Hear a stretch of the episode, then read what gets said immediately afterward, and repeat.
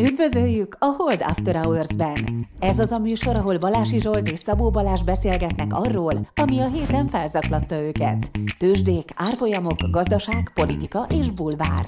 Szabó Balázs és Balási Zsolt a Hold alapkezelő elemzői. Bármi, ami az adásban elhangzik, az az ő vagy vendégeik magánvéleménye, amely nem feltétlenül egyezik a Hold blog és a Hold alapkezelő hivatalos álláspontjával.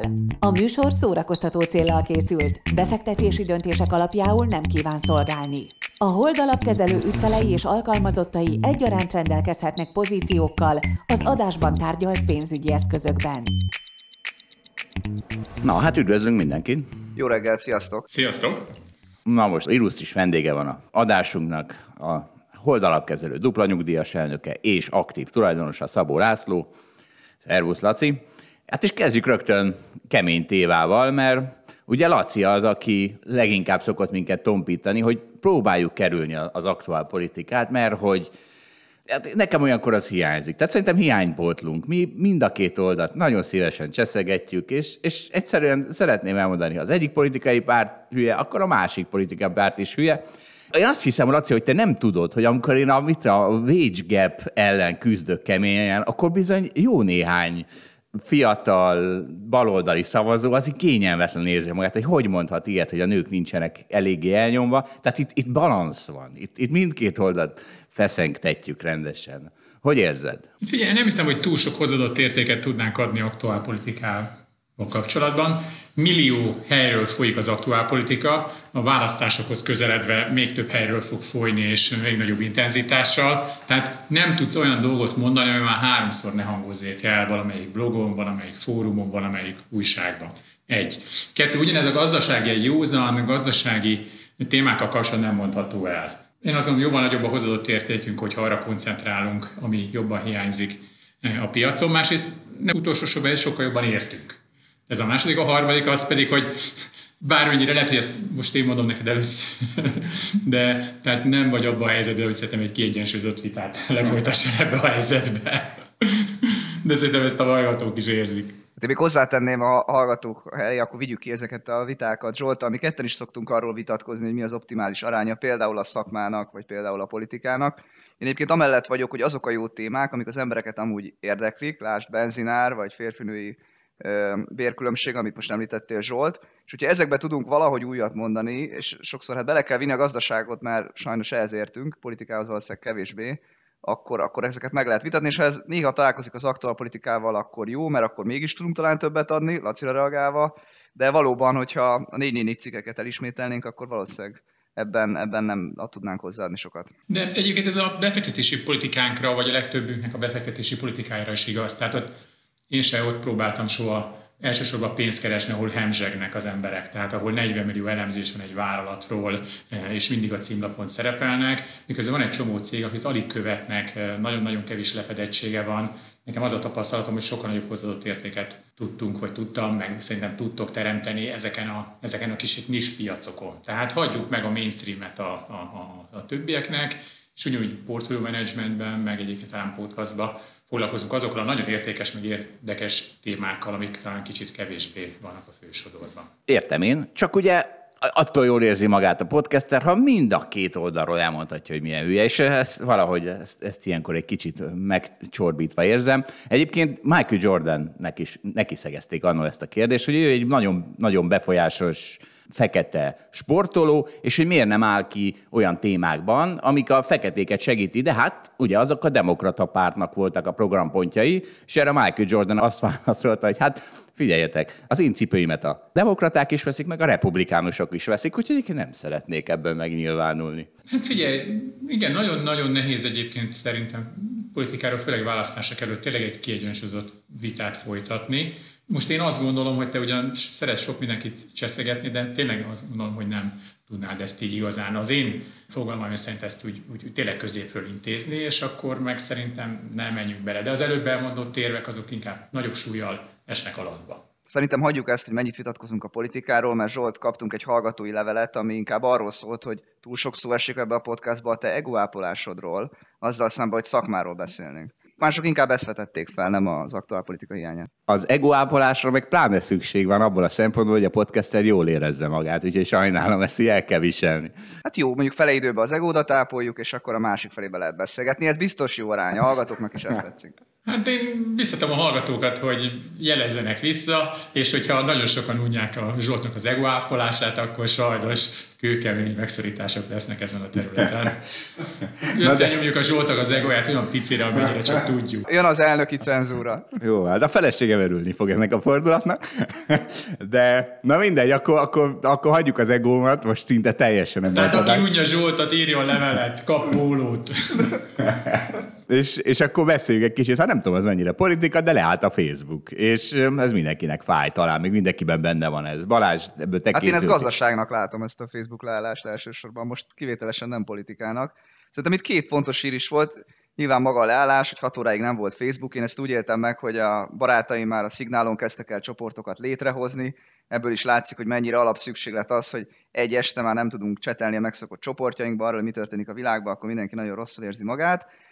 Hát a másik hír pedig az, hogy ez a Francis Hogan volt Facebook dolgozó, ez itt az utóbbi hetekben elég sok információval előjött azzal kapcsolatban, hogy neki mik voltak a tapasztalatai, hogy a Facebook profitot maximalizál minden esetben, vagy próbál társadalmilag érzékeny módon felelősen viselkedni különböző kérdésekben, mint például az, hogy az Instagram milyen hatással van a fiataloknak a lelkivilágára, vagy hogy pontosan illegális gyakorlatokat mennyire próbál megszüntetni a, a Facebook, és hogyha ez szembe megy a profit kérdéssel, akkor melyiket választja. Hát ugye a kritika nyilván az volt, hogy a Facebook azért döntő többségében profitot maximalizál, és kifelé persze nagyon szépen kommunikál arról, hogy ők próbálják a kritikákra megadni a megfelelő választ, de ez nincs így. Nekem a Facebookra egyébként egy dolog jutott eszembe, mert ugye nem vettem észre, hogy nem működik a Facebook, mert hogy nem Facebookozok, de tudom egyébként, hogy mi az. Ez is már valami. Mindig van ez a vita, hogy az igazán nagy baj esetén arany, meg kriptodevizák, meg így, meg úgy, meg amúgy melyik az igazán jó. Én azt látom, és ugye ezt már valamelyik régebbi műsorban pedzegettem, de itt most hangsúlyozottabban megfogalmazom, hogy tehát ez egy nagyon jó, hogy a fiatalok egyébként úgy képzelik el így a kicsit a világvégét, ami valószínűleg nem fog bekövetkezni, de ilyen kisebb világvégék lehetnek, hogy tök jó, hogy világvége van jó, de hát azért Facebook az legyen, meg veszek azért Playstation-t, meg, meg, meg, meg, még egyet, hogy hát az egyik nem működik, de áram is legyen, meg internet is legyen. Tehát, tehát egy olyan világvége hangulatot képzelnek el, ahol világvége van, de egyébként a Facebook működik, meg egyébként áram is van, meg, meg, meg, meg, meg lehet internetezni. Általában nem is szoktak kinézni a világ végén. Csak hogy ez egy most egy kis, sok ember számára ez egy kis világvége volt, csomó emberről nem is vette észre. Mi a, mi a probléma? Igen, ugye ez mindig fordítva is igaz. Ami... Na jó, nem, nem ú, ez annyi, szál, annyi szálon tudnék elindulni, nem is tudom, melyiken induljak el. Na, várj, én feldobok akkor egyet, hogy melyiken induljunk el. Volt ez a Quibi cikk, ami magyarul lefordította, hogy mit mondott ez a hölgy, és egy nyilatkozatot olvasok fel. Az idő múlásával egyre világosabbá vált a számára, hogy a cégnek egyetlen átfogó irányelve van, a profit. Összeférhetetlenség alakult ki a között, hogy mi szolgálja a közjót és mi a Facebook érdekeit. A Facebook pedig újra és újra a saját érdekei mentén a még nagyobb bevételek érdekében hozott döntéseket. Azt vetné fel Zsolt, hogy még itt a tavaszi adásokban te amellett érveltél, hogy a Facebook az igazából nyomás alatt van, meg kell felelnie nem csak profitnak, hanem politikának, meg társadalomnak is, különben nem tud profitot maximalizálni. Szerintem viszont itt egyértelműen merülnek fel olyan dolgok, az a kettő szemben áll egymással. Hát figyeljetek, bocs, hogy beleszólok, de hát most, most miért kell ezen meglepődni? Tehát minden vállalatnak alapvetően a profit termelés a feladata. Tehát aki más mond, az alapvetően nincs tisztában a piacgazdaságnak a működésével. Ez persze nem azt jelenti, hogy bármennyi profitot csinál bármiféle módszerekkel, az a szabályozónak a feladata, hogy olyan mederbe tartsa a vállalatnak a tevékenységét, hogy hogy mondjam, azért a közjót az ne veszélyeztesse. Minden vállalat profitot termel, és persze leírják az éves jelentésükbe, hogy így, meg úgy, meg amúgy Volkswagen, a technikai ugrás a jövőbe, és akkor közben egyébként manipulálom a kibocsátási értékeimet. Egy csomó vállalatról kiderül, hogy ha csak úgy magára hagynánk őket, akkor bizony a versenyhelyzet és a profit termelési kényszer a tulajdonosok meg egyéb oldalról arra ösztönzi őket, hogy átlépjenek bizonyos normákat, a szabályozónak nagyon-nagyon. Ez, és ez nem, hogy mondjam, ez egy természetes dolog, mi emberek is néha átmegyünk a piroson, néha megsértjük a szabályokat, nyilván a szabályozónak kell kijelölni a feladatokat, és be kell azokat tartatni, és a Facebook esetében sincsen másképpen, nem szabad a Facebookon számon kérni egy olyan dolgot, ami egyébként nincsen benne a DNS-ébe. Egyrészt, Laci, fölvettünk ilyen Puzsér Robertékkel vitatkozó adást, majd egyszer le fog kerülni, és akkor velem fogsz egyetérteni, vagy biztos vagyok, mert én is ezt mondom, hogy nem lehet egy cég, azért, mert valaki cégtulajdonos, meg cégmenedzsment lesz, attól még nem lehet olyat számon kérni rajta, amit ugye az embereken általában nem kérünk számon. Másrészt pedig mindig ott lesz az, hogy de hát látjátok, hát a Facebook az folyamatosan retteg attól, hogy ez a társadalmi nyomás mikor manifestálódik például valamiféle demokrata párti szigorításba, és ezért nincs olyan, hogy gátlástalanul visszaél ezekkel a dolgokkal. Tehát nem az van, mint mit a 19. században a legvadabb kapitalizmusban, amikor tényleg semmiféle kontroll nem volt, és akkor akármit lehetett csinálni a munkással, meg a nem tudom kivel.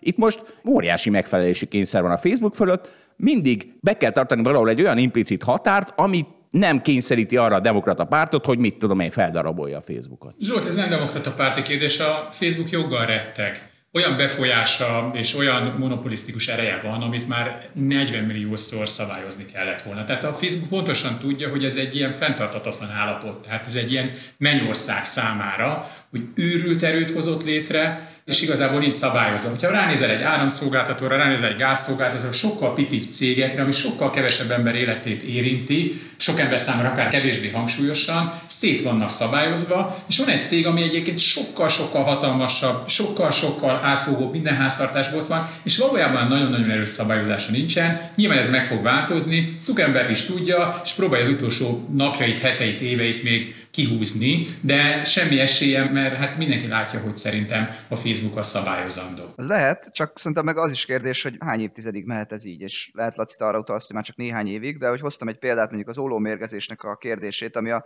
20. században, nem tudom, 40-50 évig ment, mire azt szabályozták, és egy csomó embert mérgezett különféle módon, hogy ott volt a benzinbe, meg beletették, nem tudom, papírba. Úgy lehetett sejteni, vagy tudni, hogy ezzel valami baj van, de mire a szabályozás eljutott oda, hogy, hogy egyébként ez szabályozás, hát előbb-utóbb persze Damoklész karja lecsapott, csak eltelt 50 év, meg egy csomó embert megmérgeztek. És ugyanez van szerintem a Facebookkal is, hogy hogy most tényleg akkor meddig mehet, mert olyan, olyan lassúnak tűnik ez az amerikai szabályozás, tehát hiába van róla ennyi szó a társadalomban, mint hogyha az amerikai állam nagyon-nagyon béna lenne ebben a, a kérdésben, és aztán majd meglátjuk, hogy ez mekkora károkat okozott utólag. Szerintem az van, hogy ugyanúgy az ólomról se tudták akkor annyira pontosan, mint ma, hogy az mit okoz, meg most már nagyon jól tudjuk mérni, lehet, hogy majd ezekre a mentális hatásokat mondok, mondom ezt a példát, hogy a fiatal lányoknak a, nem tudom, depresszióját növeli azt, hogyha sokat Instagramoznak, az lehet, hogy 50 év múlva az egy teljesen jól mérhető hatás lesz, egy kérdés lesz, ami az eldöntött tény, ez, ez rossz volt, rosszul csináltuk, ezt be kellett volna tiltani.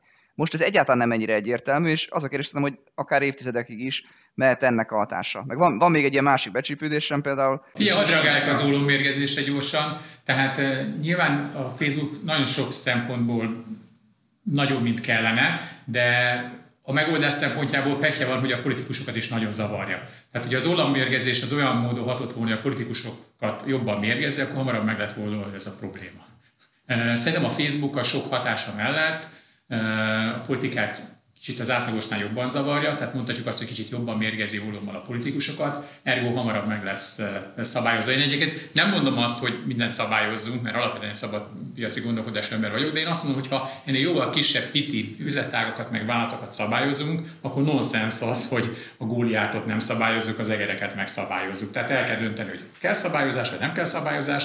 Ha kell, akkor nonsens az, ami ez, ez az egyensúlytalanság az iparágak között. Tehát ez így ez így nem fog sokáig fennmaradni. Csak ugye ilyenkor mindig, mindig készpénzként veszik, hogy mintha ezt olyan nagyon lehetne szabályozni. Tehát egy csomó mindent lehetne. Például, ha monopólium lenne a Facebook is, egyre több pénzt kérne el érte, az tök könnyű árszabályozással. Na de itt most ugye azt kell szabályozni, hogy a Facebooknak az a problémája, hogy mit tudom én, buborékokat hoz létre, például politikai biborékokat, és akkor az oltás ellenesek könnyebben megtalálják azt, hogy miért nem menjenek oltatni. Ugye ilyenek. Tehát ezt, ezt azért rohadt nehéz szabályozni. Ezt a újságokban se tudtad szabályozni, ezt az óriás plakátokon se tudod szabályozni, hogy a, hogy a, a gyerekek önképe az nem az Instagramtól romlik csak, hanem az óriás plakáttól is. Tehát, hogy ezek nem olyan egyszerű dolgok szabályozni, az a helyzet. Tehát azt mondod, Laci, hogy piti dolgokat is szabályozunk, csak ez rohadt nehéz. A tartalomszabályozás bonyolult, én alapvetően gazdasági szabályozásra gondolok. Tehát ugye, ha van mondjuk egy áramszolgáltató, azzal nagyon sokan egyetértenek, hogy ez egy természetes monopólium, mindaz szempontból nincs szükség 60 darab áramszolgáltatóra, lehet egy-kettő, de ebben az esetben ugye a profitjukat szabályozzák. Tehát nem az van, hogy természetes monopóliumok, azok, azokat hagyjuk dolgozni, az természetes, mert annak vannak gazdasági előnyei, nyilván egy Facebooknak is vannak hatalmas gazdasági előnyei, de általában azt látom, hogy a világban ezeket a természetes monopóliumokat, ezeket hagyják működni, de a profitjukat szabályozzák. Az jó, csak a Facebooknak most hiába szabályozzák a profitját, az lehet, hogy megoldja mondjuk a reklámpiacnak az anomáliait, de az, amiről a Zsolt beszél, hogy visszagrok erre a példára, hogy az Instagram az mit okoz a gyerekeknél, az egy tök másik dolog. Egyébként szóval ezt pont Zsoltal beszéltük, hogy a Victoria Secrets is kirúgta a vékony modelljeit, és felvett kicsit kevésbé vékony hölgyeket, mert hogy a testképet, az, tehát egy egészségesebb testképet akar üzenni, pedig ők voltak talán az a legkeményebb ilyen vállalat, aki nem tudom, csak 48 kilós hölgyekkel volt hajlandó dolgozni. De ez mekkora szemétség, nem? Tehát miért nem hagyták, hogy egyenek egy, egy hónapig mondjuk, és akkor már 54 kilós modellek, és milyen boldog, boldogak lettek volna? Hát nem, nem tudom. Lehet így hitelesebbnek tűnik a vállalat, tudod, Zsolt, hogy nem, nem ugyanazokat. A... Hát igen, biztos ezek a modellányok azért nem átlagosak. Most voltam kint a múlt héten Milánóban, és Pekjen éppen Fashion Week volt, nem arra mentem és ott tele, egyrészt nagyon nehéz volt szállodát találni, másrészt tele volt a város ilyen sütemény, eh, vékony csajokkal, tényleg ezek ilyen űrlénynek néznek ki, mert ahogy öltözködnek, ahogy kinéznek, tehát hogy tényleg kilógnak a hétköznapi emberek sorából, tényleg ilyen jelenségek, mindenki eldönteti, hogy milyen előjel és most kirúgták őket. Nem volt rá. Én úgy láttam, elég jól érzik magukat, és...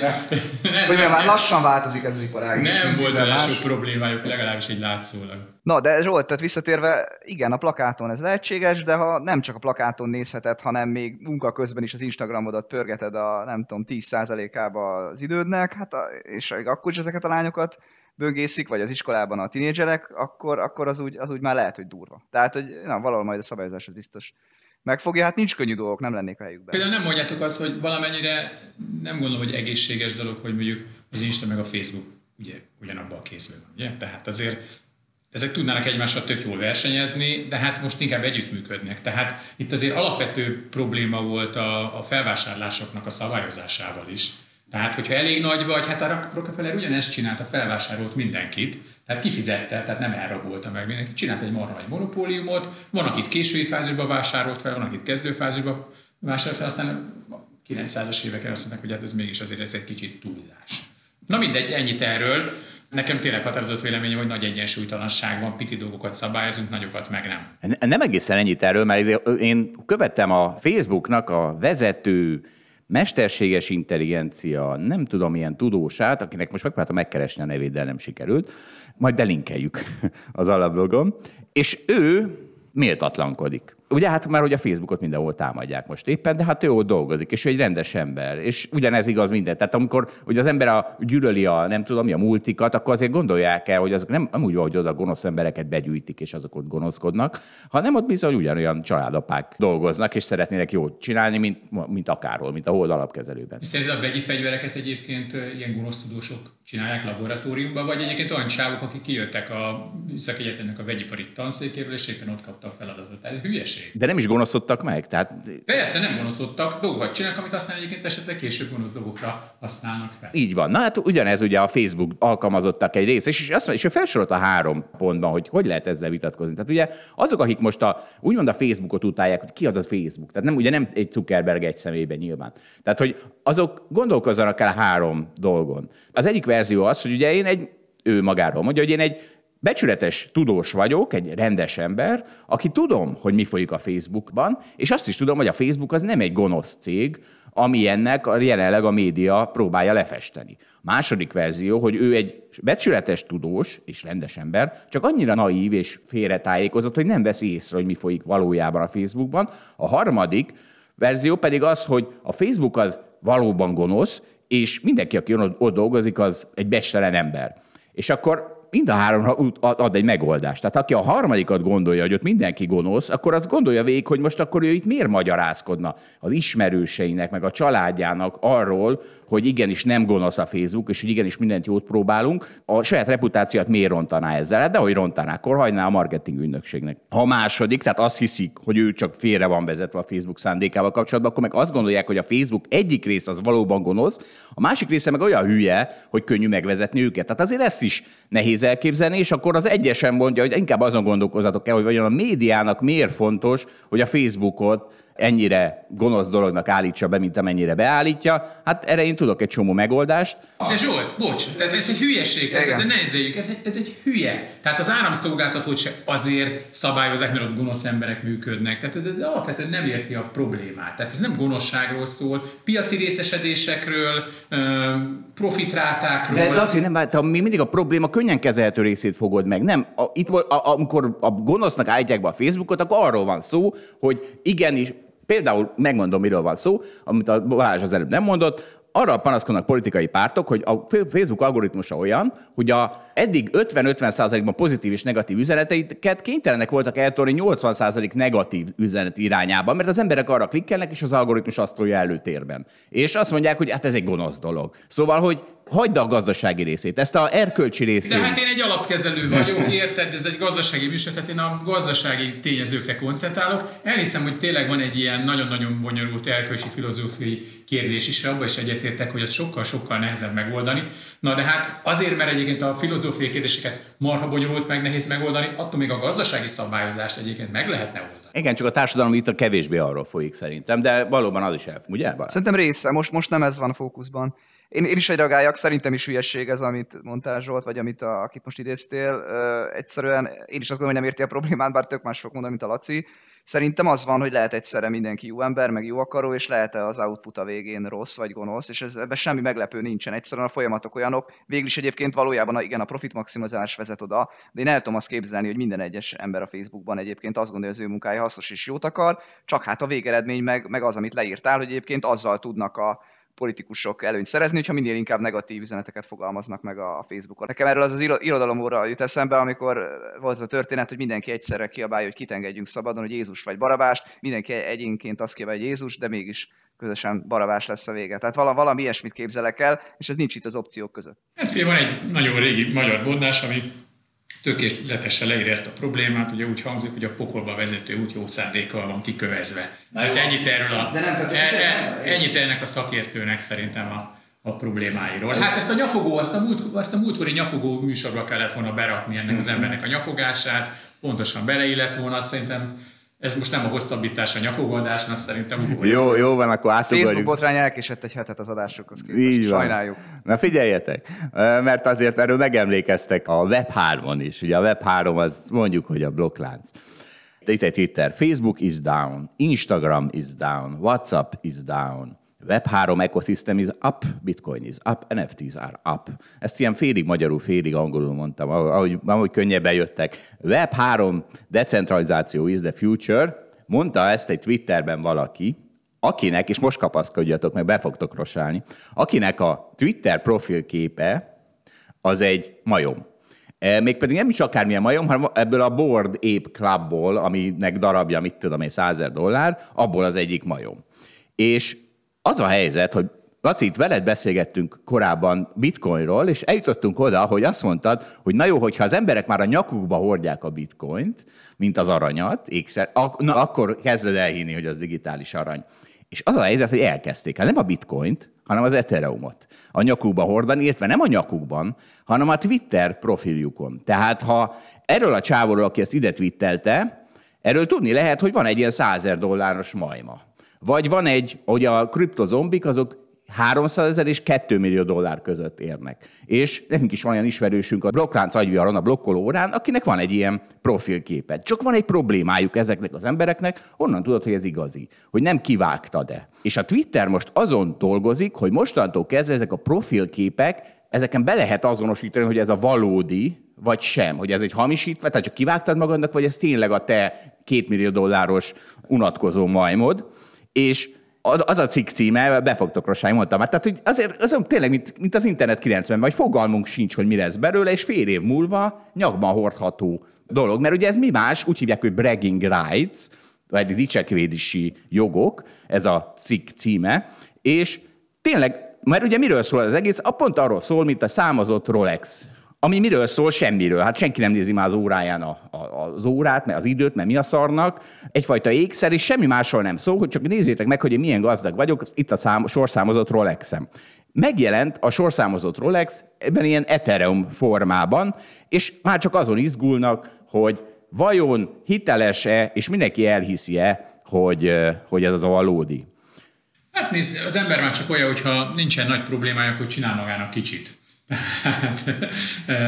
Tehát, azokban az időkben, amikor tényleg úgy, úgy, úgy, úgy jó az élet, és nincsenek problémák, és nyilván vannak sok ilyen tehát évtizedes időszakok, akkor az emberek ilyen hülyeségekkel kezdenek el foglalkozni, de ezt nyilván sokkal jobb, hogy már hogy ilyenekkel kell foglalkozni, mint hogy komoly problémákkal. Nyilván a Földnek a másik részén alapvetően más problémák foglalkoztatják a, a, az embereket, és egyébként a fejlettebb részén is, hogy most éppen leáll a műtrágya gyár, mert hogy nincsen gáz. Éppen a mai hír ugye éppen ez vagy igaz, vagy nem, de van benne valami logika. Nyilván, hogyha egyébként hirtelen szétesik a régi világod, amiben minden azt gondoltad, hogy minden automatikus jön, akkor majd ezek a problémák kevésbé fognak foglalkoztatni, de hát kívánom mindenkinek, hogy ne jöjjenek el ezek a problémák, és foglalkoztassunk hülye problémákkal, mert azért mégis az mindenkinek kellemesebb. De Laci, akkor a Rolex óra is egy hülye probléma Persze, volt. abszolút hülye probléma. Nyilván a társadalom... Nehogy, meg, nehogy megvéd a régi generációnak nem, ezt nem, a nem, nem, nem, hát ez a hülyeséget. társadalom nem tudom, egy millió modának problémája a sorszámozott Rolex óra, tehát Vagy a bélyeggyűjtés, nem? Hogy a hány, hány dolláros bélyeged van? Bélyeggyűjtés egy kicsit más szerintem. Hát az kevés, jó, mondj. Nem annyira felvágós. Igen. Bár ki tudja, vannak nagyon drága bélyegek is. Hát ez az. Egyébként nevük is van, tehát a real world assets, így hívják a kriptovilágban a boomer dolgokat. Mert ugye én is felvetettem itt, hogy na jó, figyelj, de hogyha egy Lamborghini-t rakok ki a profilképenbe, arról se tudjátok, hogy az igazi vagy sem. Szóval az nem érdekel minket, az real world asset. Mi itt a digitális világunkban szeretnénk dicsekedni, és ahhoz itt jön a megoldás. A legjobb Zsolt, amikor láttam, bocs egy pillanat, hogy Real World Asset, és akkor ezt ugye úgy rövidítik, hogy RVA, tehát ez a pénzügyben, hogy ennek megvan a megfelelő, ez a Risk Weighted Asset, tehát amikor láttam, akkor arra gondoltam, hogy ezek, ezek újra értelmezték a pénzügyet is, mert egyébként ez a pénzügyben egy elég sokat használt ilyen betűszó, hát most már más jelent ezen túl. Nem, ugyanakkor ez, ez nagyon fontos dolog lehet, hogyha számomra ez egy kicsit furcsa, de hogyha mondjuk a fiatal generáció megelégszik ezekkel a virtuális élményekkel, az azt gondolom, hogy a világ fenntarthatósága szempontjából ugye akkor nagyon-nagyon előnyös lehet. Tehát, hogyha, tehát szuper lenne akkor, hogyha tényleg valaki ugyanannyi pénzt adna, vagy ugyanannyi elégedett lenne, hogyha mondjuk egy virtuális túrán, egy 3D-s szuper szemüvegben, ami majd 5 év múlva már tökéletes valóságot fog tükrözni, mondjuk elmegy a Galap- Galapagos szigetekre, és akkor tudod, és nem ül fel a repülőre, és akkor egy tonna mm, kerozint nem éget el azért, hogy oda menjen. Tehát, hogyha ez a virtuális világ, ami, ami nyilván sokak számára, így számomra is egy kicsit így riasztó, de ez ténylegesen nem csak a hülyeség szintjén váltja fel a valódi világot, akkor egy csomó olyan fogyasztás, ami, ami az erőforrásokat elképesztő mértékben emészti, az megmaradhat. Tehát van ennek egy nagyon-nagyon komoly előnye, sőt, lehet, hogy ez menti meg a világot, amin most röhögünk.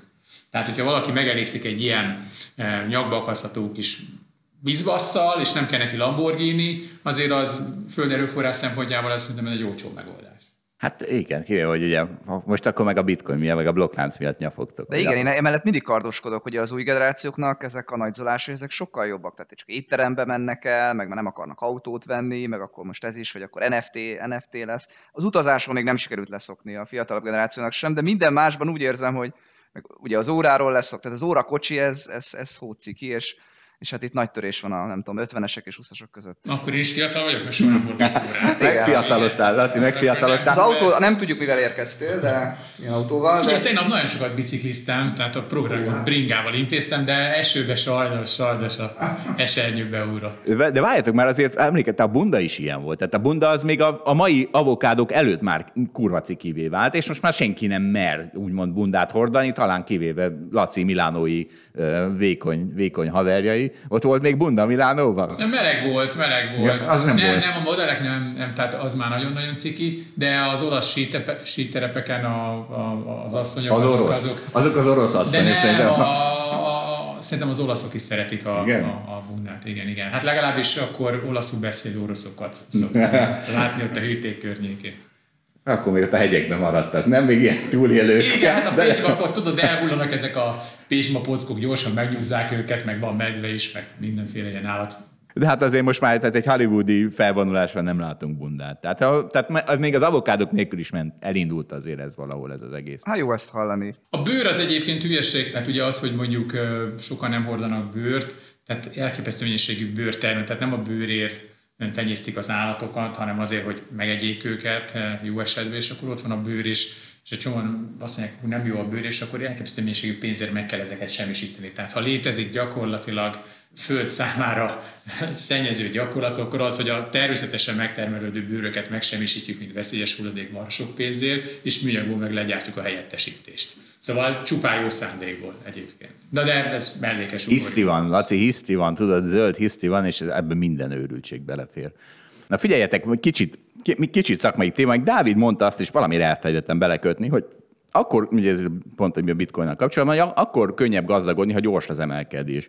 És én nekem valahogy, én azt vettem észre, hogy, hogy szerintem meg a lassú a könnyebb. Mert hogyha minden nap fél százalékot emelkedik egy eszközöd, az mit tudom én, az akkor egy héten mi az, két és fél százalékot, akkor egy évben, mit tudom én, száz százalékot, hát az jó sok. Na jó, szóval, hogy az könnyű kiülni, mert akkor, ha minden a fél százalékot emelkedik, akkor simán ülsz benne, van benne akár nagy, nagy tételedés, és ül, üldögész. De hogyha valami 5 százalékot ugrik egy nap, vagy 15 százalékot egy héten, akkor úgy, úgy elkezdett besózva lenni, hogy ebből ki kéne szállni, mert jövő héten visszaesik tizet, és akkor majd legfeljebb visszaveszem. Szóval, hogy mivel könnyebb, szerinted Laci, a te tapasztalatod, mi, mi volt ez? Mivel könnyebb gazdagodni? Melyikbe könnyebb ülni? Hát figyelj, ami, ami biztos, hogy gazdagodni jobb, mint szegényedni. Tehát Na, ez, ebben egyetértünk. Sokakkal egyetértünk. A másik az, hogy számomra egy kicsit nem akarom megkerülni a kérdést, nem tudok rá jól válaszolni, mert én mindig egy ilyen értékalapú befektető voltam, aki volt egy elképzelés, hogy mi mennyit ér. És hogyha jó olcsó meg tudtam venni, akkor megvettem, és amikor így elkezdett arra az értékre fölmenni, ami meg azt gondoltam, hogy, hogy úgy járába van, akkor meg szépen fokozatosan eladtam. És hogyha ez szerencsére mondjuk négy nap alatt történt meg, akkor négy nap alatt adtam el, három év alatt, akkor meg három év alatt adtam el. Szóval nekem egy kicsit más volt mindig a logikám, de egyébként ez úgy, úgy, visszatekintve nem volt egy rossz logika, de ehhez igazából nagyjából olyan eszközöket kell venned, amiről, amiket viszonylag tényleg jól ismersz, és akkor van elképzelésed, hogy, hogy, ez, hogy ez mennyit ér. Ha valaki csak így trendkövető befektető, meg minden, neki más, hogy tehát nem ismeri alapvetően azokat az eszközöket részletesen, amiben pénzt rak. Nyilván ez egy nem jó stratégia, de hát én mivel az előzőt csináltam, én nem tudok a másodikról tapasztalatokat megosztani senkivel. Szerintem itt a legfontosabb tényezőről nem beszéltek. El kell felejteni a jelszót. És a bitcoinnál ez sokkal valószínűbb, mint egy hagyományos De aztán jusson eszedbe, tegyük hozzá. Aztán, aztán valahogy jusson eszedbe, vagy a programozó barátod oldja meg, de az már általában akkor szokott jönni, meg elérkezni az idő, amikor megyek a programozó baráthoz, hogy légy itt volt valahol egy bitcoinom, hát igen, tíz éve vettem, léci old meg, hogy akkor, akkor az most az enyém legyen. Tehát ez, ez a legjobb módja a meggazdagodásnak, és hát a, tehát a bitcoinba, ugye nem épültek még rá az intézmények erre a dologra, hogy gyorsan valami embert felhívhatsz, aki megmondja a jelszavadat, meg kiküldik az e-mail címedre, hát így is sokkal jobb. Ott könnyen meggazdagodni szerintem. Lehet egyébként, hogy ez a jelszó elfelejtés jó, ugyanakkor ha visszamegyünk száz évet, megnézzük az S&P 500-at, ami akkor is ugye az amerikai legnagyobb vállalatoknak volt a gyűjtőhelye, akkor, akkor ugye egy csomó ismeretlen, számunkra ismeretlen céget találunk. Ez azt mondja, hogy ezek a cégek eltűntek. Na most meg kéne nézni valójában, hogy hogy tűntek el, mert hogyha csak úgy egyszerűen csődbe mentek, meg eljelentéktelenedtek, nyilván nagyon sokuk ezt az utat járta be, akkor, akkor ha megtaláltad a jelszót, akkor nem is találod az érték a papírszámlán ezeket a papírokat, de ugye nem valaki, azért, valaki felvásárolta de valaki, a másik. Igen, igen, tehát ugyanakkor meg, hogyha valaki felvásárolta marha drágán, és helyette most neked nem tudom, Facebookod van, az meg nagyon jó. Nem tudom, én nem olvastam milyen tehát az, hogy az elmúlt száz évben kicserélődött a vállalatoknak a 98%-a vagy 90%-a, az tuti, hogy egyébként mi lett ezeknek a vállalatoknak a sorsa, hogy felvásárlás, felvásárlás áldozatai lettek, mert az ugye a részvényeseknek az egyébként jó, vagy eljelentéktelenedtek, felvásárlás nélkül az meg rossz, tehát... De várjál az, hogy a S&P 500 index meg viszont folyamatosan emelkedik, az arra utal, hogy inkább a jó irányba tűntek. De jó, de hogyha, elvesz, tehát hogyha indexet vettél, igen, de hogyha megveted a vállalatokat, akkor nagy eséllyel azok a vállalatoknak mondjuk 100 évvel ezelőtt, azoknak a vállalatoknak a 90% azok már nincs az értékpapír számládon, tudod? És arról lamentálgatunk most, hogy vajon ezek az eltűnő vállalatok, ezek fölfele tűntek el, vagy pedig lefele tűntek el, valószínű 50, vagy fele-fele. Szóval csak arra akarok utalni, hogy ez a jelszó dolog, ez, ez bullpiacban egyébként, szóval a bullpiacban tényleg felejtsd el a jelszót. Az, az, az, figyelj, azt, ezt kijelenthetjük. Laci, én elfogadom a száz éves érvelésedet, akkor maradok a tíz évesnél. Jó. A, amit a Laciéra rímel azt még, hogy a legegyszerűbb úgy gazdagodni, hogy egy ilyen 50% gap up nyit ki a dolgod, és akkor, akkor már mindegy. Tehát akkor lehet, hogy nem is tudsz ülni benne. Az jó a... dolog, de ritka Zsolt. Tehát a Laci most mondott két példát, én azt tippelem, hogy a Laci a négy naposról. Te, nem a négy naposból volt több, Laci, azért ezt nem, be. Lehet, hogy abban egy sem volt. Na, akkor most jön a közszolgálati rovatunk. Ugye hitelmoratórium van, amit már megint meghosszabbítottak, az politikai okokból. Tehát ugye nem véletlen, hogy az MNB az kardoskodik, hogy legyen már vége a hitelmoratóriumnak, a kormány pedig, akinek ugye a szavazókra van szüksége, az meg kardoskodik, hogy de, de még az, az, az, az még legyen. Na hát úgyhogy van. Az a helyzet, hogy az MNB számolgatta ezt, hogy ki az, akinek érdemes ezt igénybe venni. Nyilván annak, akinek most sokkal nehezebb fizetni, mint fél év múlva lesz, vagy kilenc hónap múlva lesz, meg ha azt is tudja, hogy mert ezt azért majd ki kell fizetni, amikor a, a, a hitel futamideje lejár, és akkor majd öt év alatt fogja kifizetni ezt a kettő évet, és azt is tudja, hogy akkor is könnyebb lesz. Tehát aki most nehéz helyzetben van, csak annak érdemes tényleg ezt igénybe venni. Igazából az egyik üzenetünk, hogy ez nem egy ajándékpénz, de, és ezen sok mindig gondolkozom, hogy mi hallgatóink szerintetek ezt nem tudják, vagy tudják? Szerintem ezt tudják. Tehát az a baj, hogy nehéz úgy társadalmi üzenetet megfogalmazni, hogy a mi hallgatóink azok túlképzettek. Figyelj, alapvetően nem értek veled egyet, mert kicsit faramúci a helyzet, mert lehet, hogy a legjobb helyzetben lévőknek, meg a legrosszabb helyzetben lévőknek érdemes bemaradni a hitelmoratóriumba. Ugye a legrosszabb helyzetben lévőknek azért, mert nekik nincsen más választásuk a legjobb helyzetben lévőknek meg azért, mert hogyha egyébként az a kamat, amit majd nekik, az a hitel a kamatokkal együtt ki kell fizetni majd x év múlva, ott a kamat alacsonyabb, mint az eszközeiknek a, a, a kamatozása. Tehát egy olyan eszközt kell eladnod, hogy visszafizesed a hiteledet, ami egyébként magasabb hozamot hoz, mint a kamat, akkor egyáltalán nem kell részt venni, vagy nem kell kiszállni ebből a, ebből a dologból. A, a középső rész, ami gondolom inkább a 80%-a a hitelfelvőknek, ott pedig hát nyilván szerintem eszközforrásmenedzsmentet, hogy csökkenteni kell a hiteleket, mert nem jó, ha az ember ki van feszítve. Ha teheti, ha olyan helyzetben, hogy tudja a mérleg főszegét egyébként csökkenteni, mert van jövedelme, van megtakarítás, akkor nyilván akkor tegye konzervatívabbá a mérlegét, ha valami gond lesz, akkor ne kerüljön olyan helyzetbe, hogy nem lesz választási lehetősége. De most vegyünk egy példát, tehát valakinek van egy vállalkozása, és mondjuk olyanok az eszközei, hogy ugyanazok az eszközök, amit ma használ, az tíz év múlva is fogja használni, akkor ő mit érezhet? Azt, hogy eddig volt árbevétel, meg voltak költségei, és hát hitelből finanszírozta ezeket az eszközöket, amiket most a példában említek, tehát kamatköltség is volt. És akkor most milyen jó, hogy most neki úgy néz ki a, a, az eredménykimutatás, hogy hát hoppá, most akkor kiesett két évre a, kamatköltség. Hát nagyobb lett a profit. Az eredménykimutatásból elhatárolt költségként ki kell mutatni. Akkor bocsánat, akkor cash flow Cash flow, Várjál, és most, attól is és most attól is eltekintünk, hogy ez lakossági hitel moratórium, de mehetünk tovább.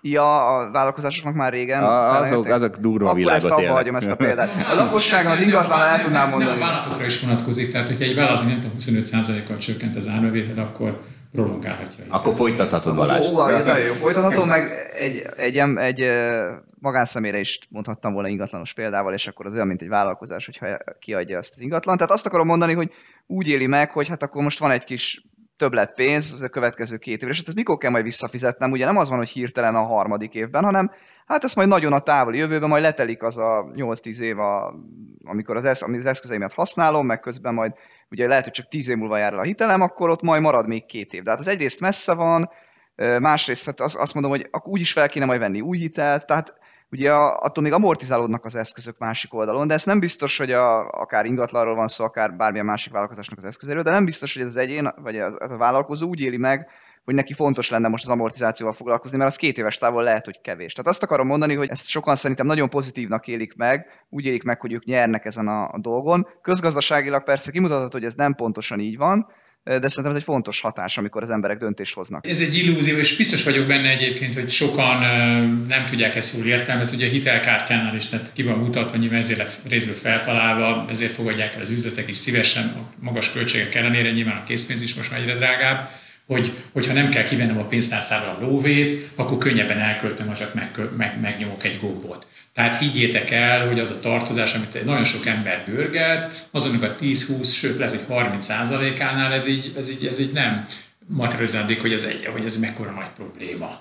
Hanem egyszerűen nem racionálisan közelíti meg a dolgot, és ugye a hitelkártya költéseken látjuk azt, hogy az emberek pénzügyekben aztán igazán nem racionálisak, tehát nyilván ebből majd lesznek gondok, és nyilván egyébként, hogyha most nem jövőre lennének a választások, és ennyi politika azért belefér, mert ez a gazdaság, akkor lehet, hogy ez a hitelmoratórium három is most nem következett volna be. Na jó, várjatok, mert most izé, lehet, hogy Laci nehezményezi, mert hogy nem szabad ilyenekről beszélni, de tehát ugye Laci, te is elmondtad, hogy te hogyan, értékalapú befektető hogyan működik a emelkedésekben. Én is elmondom, hogy értékalapú befektető hogyan használja fel ezt a moratóriumot. Mert ugyanis velem az történt, hogy hát ugye mi a helyzet Magyarországon, mi az elképesztő helyzet, föl lehetett venni szabad felhasználási jelzáloghitelt 2,5% környékén, és van egy már plusz, ami a lakosságnak ad 5%-ot. És innentől kezdve meg tudod csinálni azt, hogy a lakásod értékének a 70%-át ezt berakod évi 2,5% kamatozásra, mint kvázi bankbetétként, sőt, annál talán biztonságosabb is, ha arra gondolunk, hogy a MÁ plusz az biztonságosabb.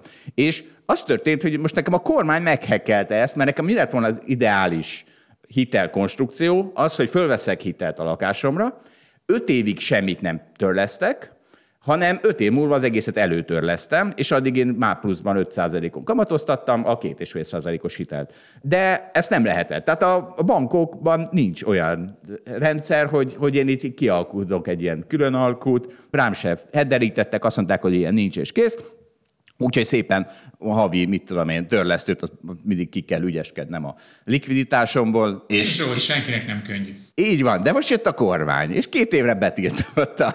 És most azt történt, hogy két évre elhat. Tehát most akkor két év megvalósult ebből az öt évből. Hogy, tehát... Nézd, Zsolt, hát én szerintem te támogatod a kormánynak a gazdaságpolitikát. Egyrészt, mert ugye talán egyben mondta, hogy a lakosság nyugodtan adósodjon el, mert az gazdaságnövekedés. Egyik oldalon ugye ezt a, ezt a, ezt a tanácsot követed, a másik oldalon részt veszel az állam finanszírozásában, már pluszokon. Úgy is támogatod a gazdaságpolitikát, tehát hogy mondjam, te gyakorlatilag egy két lábon járó. Uh, igen, igen, igen, igen. Tehát egy mintapolgár vagy, aki, aki a különböző szervezetek utasításait tökéletesen követett. Hát, hát a három gyerekről már is beszélünk. Ó, ugye? igen, és akkor még, még, még, szerintem igaz, hogy van három, de még egy ilyen baba váró még elgondolkodik a helyedbe. Tehát még ott, lehet, hogy még ott egy kicsit tudná húzni Zsolt. igen. Jó, és maradjunk még itt, mert ugye mit valósítottam meg? Az Egyesült Államokban így működik a, a mortgage piac, meg a home equity piac. Tehát ott az történik, az emberek a lakásukra fölvesznek hitelt, és abból vesznek aztán bármit. Ugye a subprime válság az, az vezetett oda, hogy fölvettek hitelt a lakásukra, és vettek még egy lakást, aztán arra még egyet. És akkor a rútáncos nőnek volt már öt lakása. És ezért volt akkor az összeomlás. De ugye ez megy most is, és ahogy emelkednek az ingatlanárak, hogy mindig kivesznek több home equity. Ja, ezt kevesen csinálják, Zsolt. Tehát ezt most te megcsinálod, meg megcsinálj, meg nem A Magyarországon kevesen, de az Amerikában nem. Ez, ott ez egy nagyon likvid piac. Hát megvalósítottuk a kormány és én közösen a home equity piacot. Mm, na, én nagyon, nagyon örülök, hogy betört ide az amerikai pénzügyi kultúra. Olyan vagy, mint a jegybank, támogatod a, az, a kormány gazdaságpolitikáját. Tehát lehet, hogy egyébként valami jegybankra is rá fog kerülni előbb-utóbb az arcot. Főleg, hogyha megborotválkoznak, hogy nagyon, nagyon besélyen mennének ennek a dolognak.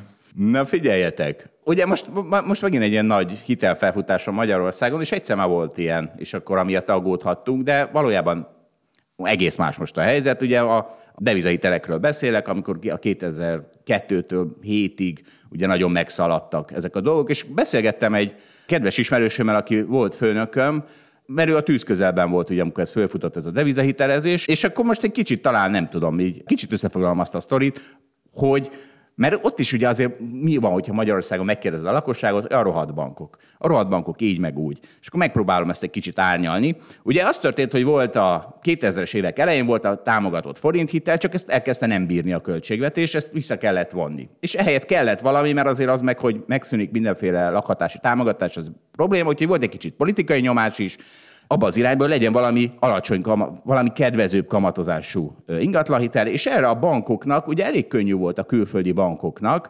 levenni a polcról a kész terméküket, mert az osztrák bankok például a svájci határhoz közel, már az osztrákoknak is adtak svájci frank hiteleket. Persze általában olyanoknak, akiknek volt svájci frank bevételük, ugye az nagyon sokat segít a kockázat szempontjából, de azért Magyarországon sem volt ez egyértelmű marhasság, mert ugye miből indultak ki a bankok?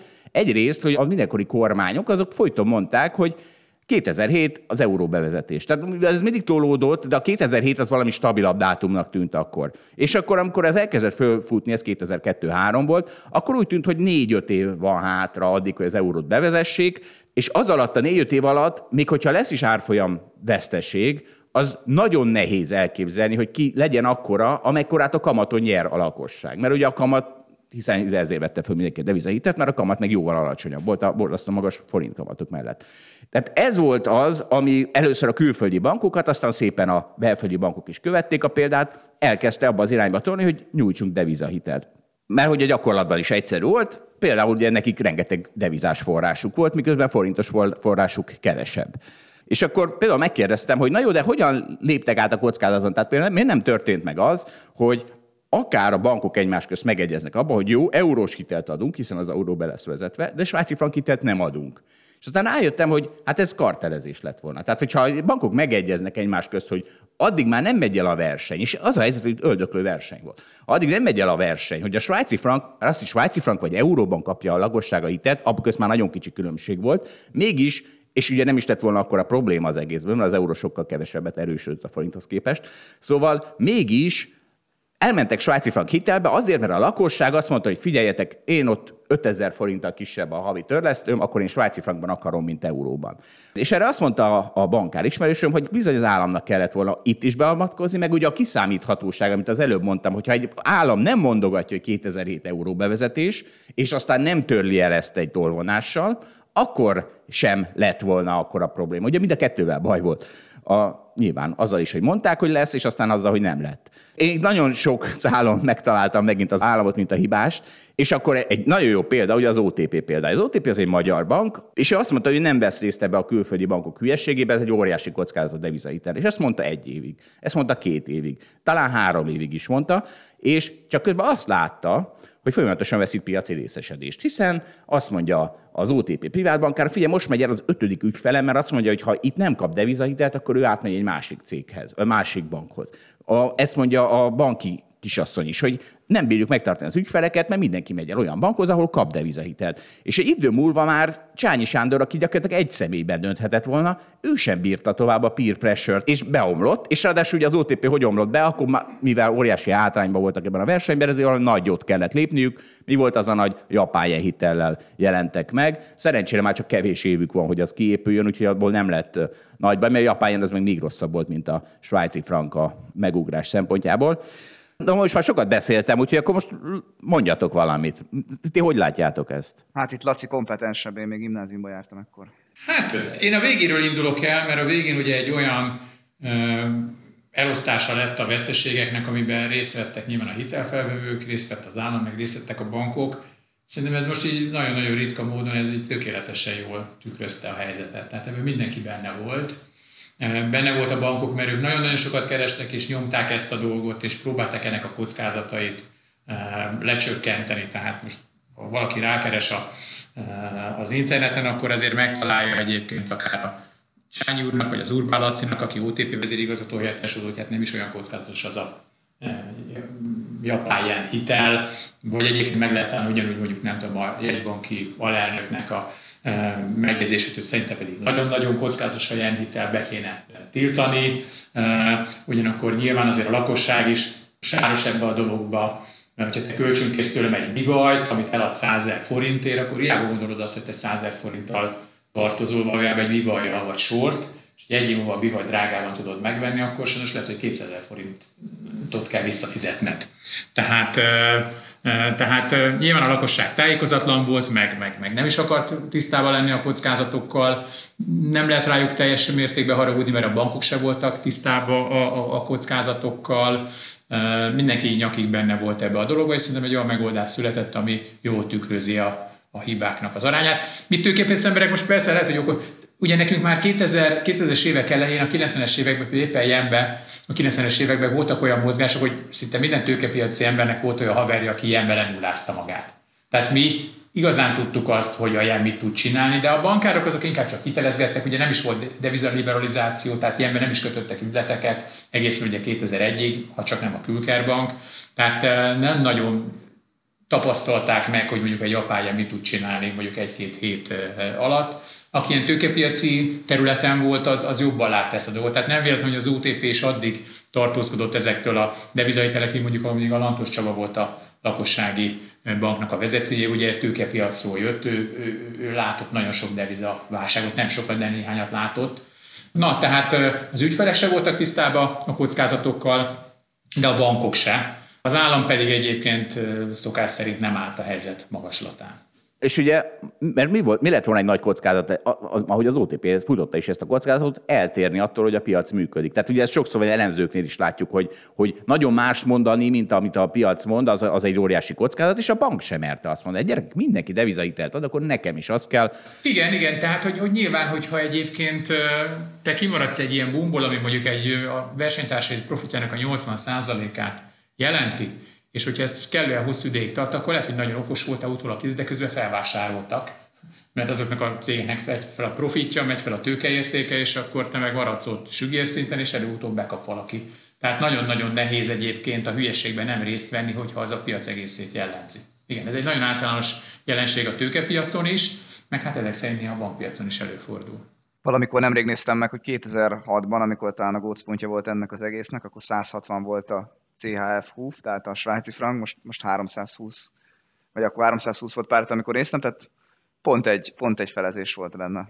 Ugye, a, tehát ugye a bankokat csesztettük, a szabályozók csesztettük, csesztessük egy kicsit a lakosságot is, tehát azért nagyon, én emlékszem arra, és akkor így szoktam röhögni a haver, haverokkal, hogy, hogy akkor, tehát ugye 2007-2008-ban azért ez még ment nagyon-nagyon durván, és akkor már ugye az aktuális kormányfőnök, aki a Gyurcsány volt, a népszerűsége nagyon-nagyon alacsony volt. Tehát mi, a legtöbb ember rossznak tartotta, a, a, emlékszem még az akkori közönkutatásokra, rossznak tartotta a kormányok a gazdaságpolitikáját, de közben felvette a devizahitelt. Tehát miközben egyébként nagyon rossz véleménnyel volt mondjuk a magyar gazdaságpolitikára, longolta a forintot és sortolta a svájci frankot, tehát gyakorlatilag longolta gyurcsányt és sortolta mondjuk nem tudom, az Európai Uniót, a japán gazdaságot, vagy a svájci gazdaságot, tehát hogy abszolút következetlenül járt el a lakosság. Tehát azzal se volt tisztában, hogyha esetleg neki igaza lesz, és akkor a, az aktuális kormányfőnek rossz lesz a gazdaság, hogy ha az bejön, akkor ő szétszívja az agyát, ugye, azzal, hogy ő egyébként long forint sort, svájci frank, vagy sort, euró, vagy sort, japán, vagy sort bármi. Még van egy nagyon jó kérdés. Ez Orsi tette föl, és akkor ezre mi fogunk válaszolni. Azt kérdezte, hogy hogyan magyaráznánk el egy embernek, aki a forintban felvett hitelének két-háromszorosát fizeti vissza, hogy a bank tényleg felvette azt a devizát, nem csak megnyerte az árfolyam nyereséget az adósokon. És ezt nagyon könnyű elmagyarázni. A bank az nem árfolyamra spekulál. A bank az... Bocs, egyszerű. Tehát most az OTP-nek mennyi devizabetétje volt? Tehát, tehát honnan szerez egy magyar bank devizát? Hát most nyilvánvalóan a magyar lakosság nem fog berakni annyi devizabetétet, mint amennyi devizahitelt felvett. Tehát nyilván az OTP-nek egyébként ki kellett menni a bankpiacra, és akkor fel kellett venni. Tehát az OTP például a legegyszerűbb bemutatni. Nyilván lehet mondani a külföldi bankokra, hogy ez egy kicsit bonyolultabb, ott ugye ez nem igaz, de ott is megvan a magyarázat, csak bonyolultabb. De, de van egyszerű magyarázat is. Tehát a bank nem az árfolyamokra spekulál. Ha azt tudta volna egy bank, hogy gyengülni fog a forint a svájci frankkal szembe, megjátsza a tőkepiacon, és akkor a túloldalon nem a magyar lakosság van, aki vagy kifizeti a nyerőt, vagy nem, hanem az... A, hanem az Abszolút igazad van, ahhoz nem kell megszivatni 500 ezer magyar embert ahhoz, hogy megkeresd, megkötöd a tőzsdén a tranzakciót, aztán keres egy csomót, ha igazad lesz. De itt nem, ez, nem teljesen ez a kérdés, nem, hogy lefedezték-e közben. Ezt. Ők miért nem buktak rajta? Hát mert, hát er, mert miért nem, értem, én értem, de érted a morális részét a dolognak, hogy oké, a szerződésben ott volt, de hogy, de hogy mi van, ha ők lefedezték, lefedezhették volna, és akkor, akkor másképp nézünk ki. Akkor ők futják az árfolyam kockázatot. Így van, ez, erről beszélünk. Tehát, hogy, a, tehát a, a, bank nem erre játszik. A bank arra játszik, hogy ő elteszi a kamat különbözetet, mert az biztos. Hát igen, bankbetétesként szeretném is, hogy a bank ne spekuláljon, nem nyújtson hitelt, fogadjon el betétet, fedezze le a kockázatokat, és keresse meg a kamatkülönbséget. Igen. És ez egyszerűen fogalmaz, azt jelenti, hogy bizony a bank, amikor valakinek adott svájci frank hitelt, akkor az máshonnan elkérte azt a svájci frankot. Ő nem játszik arra, hogy az a svájci frank tömeg az merre megy. Jó, ugyanakkor azért tudod, nagyon-nagyon durva praktikák voltak, hogy hogyan váltották a forintot, stb. Tehát ott, a, ott volt egy komoly verseny, ebben igazad van, de gyakorlatilag a verseny az a kockázat felvállalásába testesült meg, hogy melyik bank vállal fel még nagyobb kockázatot, mert nyilván az ügyfelek nagyobb kockázatot vállalnak fel, akkor az a bank kockázatát is növeli, mert a nem fizetésnek a kockázatát növeli. Tehát nem a költségekben, nem a bankköltségekben nyilvánult meg ez a, ez a verseny, hanem hogy melyik bank tud zsíros profit mellett minél nagyobb kockázatot felvállalni, és egyébként elég jó nagy kockázatokat vállaltak, fel szó sem róla. Na figyelj, Laci, ez egy gátlástalanul presszionáló podcast. Két hete volt a 2020-as karácsonyi bulink, ahonnan te hiányoztál. Mit, mit tudsz felhozni mentségedre? Milánóban, szupermodellek közt? Tényleg Milánóban voltam, tehát az Andi, felhívott, az Andi felhívott egy két nappal korábban, hogy pénteken, tehát főhívott csütörtökön, hogy pénteken buli lesz, és hát mondtam, hogy én Milánóban uh, vagyok. Uh, hogyha egy héttel előbb hív fel, akkor elhalasztom az egészet. Na, na, nagyon helyes. De hát van, van, van lehetőséget javítani, mert már szervezzük a következőt, ez most decemberben lesz a hagyományoknak megfelelően. És figyeljetek, mert hát ez megünneplendő, hogy hát ugye ez valahol sikeremnek tudom, hogy a 2020-as karácsony csak megrendeztük 2021. szeptemberében, de van egy másik kampány, ami kezd termőre fordulni. Másfél éve követelem, hogy hagyjuk már ki a hülye szavazót a ország irányításából, és legyen szakértői kormány, és megjelent a közbeszédben a szakértői kormány kifejezés. Hát én nagyon örülök. Persze lehet, hogy nem lesz belőle semmi, meg valószínűleg nem is lesz szakértői kormány. Én úgy definiálnám a szakértői kormányt, az a kormány, ami leszarja, hogy újra válasszák-e. Na most de, de nem Zsolt, én nem is értem ezt az egész szakértői kormány koncepciódat. Hát azért azt látjuk, hogy az állam az nagyon sokszor dönt újraelosztási kérdésekben, és ott mindig értékrend van mögötte, ami mindig egy politikához fog kapcsolódni. Tehát te azt hiszed, hogy van valami végső jó, valami, ami ez mindenki ne, ez átlagának ne, ne, ezt ne a számba. jó, de hát, de hát ilyen nincsen. Tehát, hát figyelj, szerintem ugye most már régóta megy ez az adás, tehát most már minden hallgató, hogy Zsolt hogy egy ilyen valami világban él, tehát nem tudja egyébként, hogy működik a, a világ. De hát ezt elnézzük, ezt elnézzük neki. Tehát előbb csesztette egyébként a szakértőt, tehát akiről bebizonyítottuk, hogy totál idióta. Tehát biztos nagyon jó szakértő, amikor a Facebook algoritmusokat de nem érti, hogy hogy működik a világ. Tehát a Zsolt azokra a szakértőkre bízná az élet alakítását, akit idézett egyébként ezelőtt, nem tudom, 18 perccel, aki nem érti, hogy az emberek, tehát hogy az emberek miért kell szabályozni a Facebookot, hogy nem gonosz emberek dolgoznak. Fogalma sincsen. Tehát az a nagy probléma egyébként, hogy a, hogy az úgynevezett szakértők, azok nagyon sok esetben egyébként ilyen kis monokultúrásak, tehát a kis dolgokba szakít, de már a szomszéd területen már nem fogalmuk sincsen. És a még nagyobb baj az, hogy az emberek nem, nem, tud, nem tudnak hatni az emberekre. Tehát nem tudnak hatni, és nem követik őket. Szerinted, amikor a középkorban kiálltak egymással a ezéken pallossal, meg lóval, akkor szerinted ott szakértő volt a, ezé, a hadseregnek a vezetője, aki rávette az embereket. Azt meg, ne fussatok el marha gyorsan, nem itt most a lovas hadseregére álljunk oda. A szakértő tudod, hogy mondott volna? Hát gyerekek, kiszámoltam, 22,8% esélyünk van arra, hogy nyerünk. Mit csináltak volna ott a parasztok, a palosa? Mindenki hanyat homlok menekül. Ellenben volt ott egy hadvezér, azt mondja, gyerünk, meg így, meg nyerni fogunk. Össze-vissza az utazott mindenki, de ezt úgy kellően egyébként magabiztosan. És mondták a parasztok, hogy gyerünk, és akkor fut, és neki megyünk. Persze lekaszabolták őket, de minden ötödik esetben egyébként bejött.